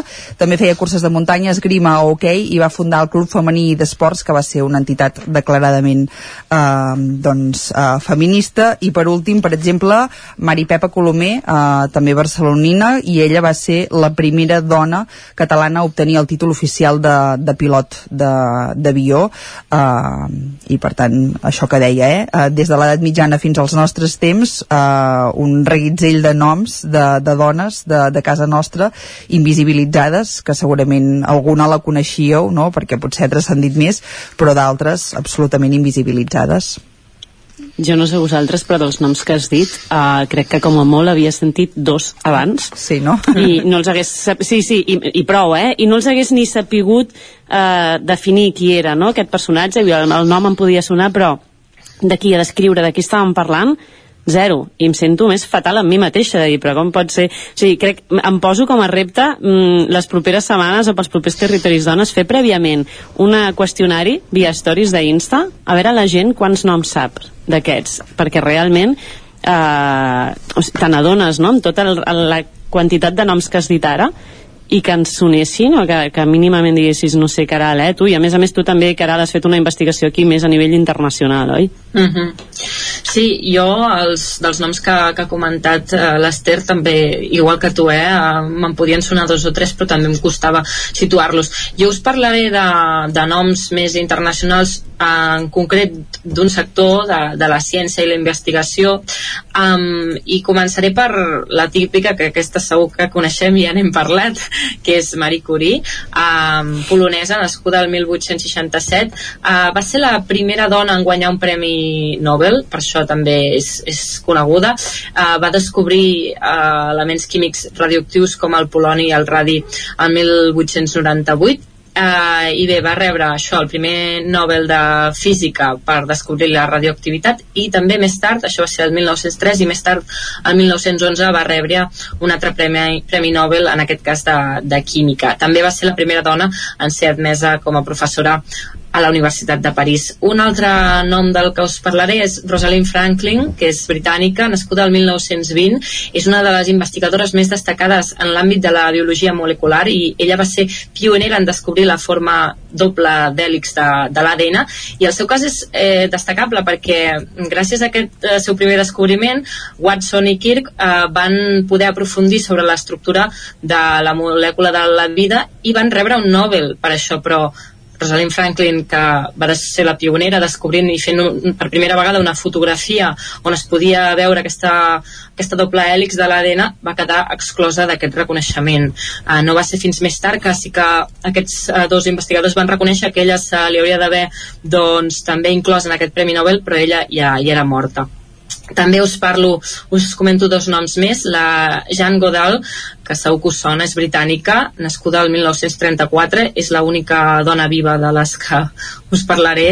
Uh, és conegudíssima per l'estudi dels ximpanzés i els orangutans, va deixar els estudis als 18 anys per anar a l'Àfrica i a través de la seva feina va des desmitificar algunes idees preconcebudes que hi havia d'aquests animals, no? que, que va, va descobrir que són omnívors, que són capaços de fabricar i utilitzar eines i sobretot el tema dels comportaments socials que tenen entre ells que són complexes i molt desenvolupats. Uh, també us parlo uh, de Rita Levi Montachini, uh, italiana, nascuda el 1909. Eh, també el seu cas és, és uh, important perquè tot i l'oposició de la seva família, perquè clar, estava mal vista estudiar per una dona a aquella època, doncs estudiar ciències, eh, va voler estudiar medicina de, per totes i va, es va doncs, graduar a la Facultat de Medicina de Turí i, i bé, ella tenia molt clar que volia dedicar la seva vida a la investigació científica i què va fer? Va muntar un laboratori clandestí a la seva pròpia habitació. Allà va, sí, allà va estudiar el desenvolupament embrionari del sistema nerviós utilitzant eh, embrions de pollastre de, de l'animal, de pollastre doncs va, va estudiar, va començar a estudiar el sistema, el sistema nerviós. Eh, per tot això va, va rebre el Nobel de, de Medicina el 1986 eh, va morir el, el 2012 per cert. I us, us en diré un altre que aquest és més recent que també m'ha eh, doncs m'ha creat l'atenció eh, perquè és un cas, doncs, ella és una icona LGTBIQ+, uh, és Bàrbara Barres, uh, és americana, nord-americana, uh, va néixer el 1954 i va morir el 2017, eh, i va estudiar la importància de les cèl·lules gilials en el desenvolupament i la maduració i regeneració de les neurones. Uh, perquè és perquè és rellevant. Uh, ella va fer una, doncs, una exposició un dia eh, i un investigador que hi va assistir a la conferència uh, va dir, ostres, um, jo havia sentit la, doncs, la germana uh, d'aquesta persona i, i m'ha semblat molt més brillant el seu germà en, en Ben Barres. Què passava? Eren la mateixa persona. Uh, la Bàrbara i en Ben eren la mateixa persona. De fet, la Bàrbara s'havia convertit en Ben uh, després de, de sotmetre's a un de canvi de sexe amb 40 anys. Per tant, un bon exemple de, també de, bé, de, del patriarcat i masclisme que envolta eh, també eh, les, aquestes figures. Doncs eh, amb aquest, tota aquesta línia una mica seguint l'exercici que hem intentat fer avui des del territori dona eh, voldria acabar la, la secció amb aquesta green flag, red flag que normalment aquest cop m'agradaria donar una, una green flag totalment. Uh, i us vull deixar un nom, és l'Anna López Navajas. Uh, ella és professora de València i precisament contra aquesta ignorància ella està agarrejant aquesta lluitadora que ara fa uns 5-6 anys aproximadament es va plantar a la capital d'Egipte i va deixar bocabadats a tots els assistents d'un congrés d'hispanistes on va ser convidada a fer una ponència sobre el pes que tenen les poetes hispaàrabs en la, la primitiva lírica espanyola. Sense pensar-s'ho dues vegades, va carregar dins la maleta pels aeroports de mitja Europa una enciclopèdia de 5 volums que recollia a, a més de 5.000 dones àrabs referents al llarg de la història. Els allà presents els convidà a citar alguna dona rellevant de la cultura àrab i allà es va fer un silenci en aquella sala. Aleshores tragué els cinc volums de la seva motxilla i amb un cop de força els llançà sobre la taula dient per qui no conegui cap, aquí n'hi ha més de 5.000. I en paraules d'ella mateixa, l'Anna, segons ha dit, la grosor d'aquests volums és la mesura de la nostra ignorància. Així que per l'Anna, aquesta Green Flag d'avui, que a més a més està tirant endavant el projecte Woman Legacy, que precisament vol canviar tots aquests llibres de text que dèiem eh, que hi havia a l'ESO i que ens podrien ajudar molt a, a reconèixer tots aquests noms i totes aquestes fotografies que parlàvem avui. I per tancar la secció, ara ja sí, definitivament fins dimarts que ve, us volem deixar amb una cançó d'aquí, amb una cançó d'una cantant catalana com és la Gemma Humet, i, i amb la seva cançó, amb la seva peça Ales al vent, que precisament posa de manifest tot, tot aquest paper que tenim les dones. Uh, Esther, Caral, moltíssimes gràcies. Ens veiem uh, properament al Territori Dona. Que vagi bé. Merci. Adeu.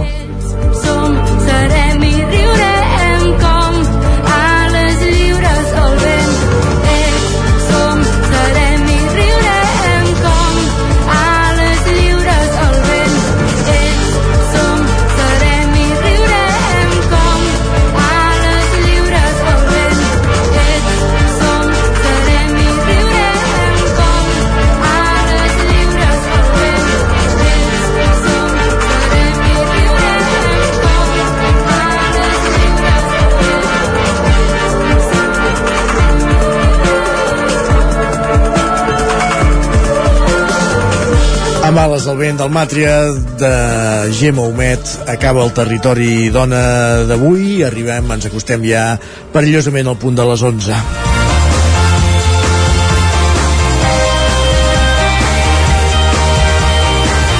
I si ens acostem al punt de les 11 vol dir que arribem a les dues hores de programa, que és la durada, la durada que té aquest magazín, el Territori 17, que començava a les 9 i en el qual us hem acompanyat avui Pep Acosta, Isaac Muntades, Manel Dot, Pol Grau, Joan Carles Arredondo, Guillem Sánchez, Caral Campàs, Esther Rovira, Maria López, Sergi Vives i Isaac Moreno.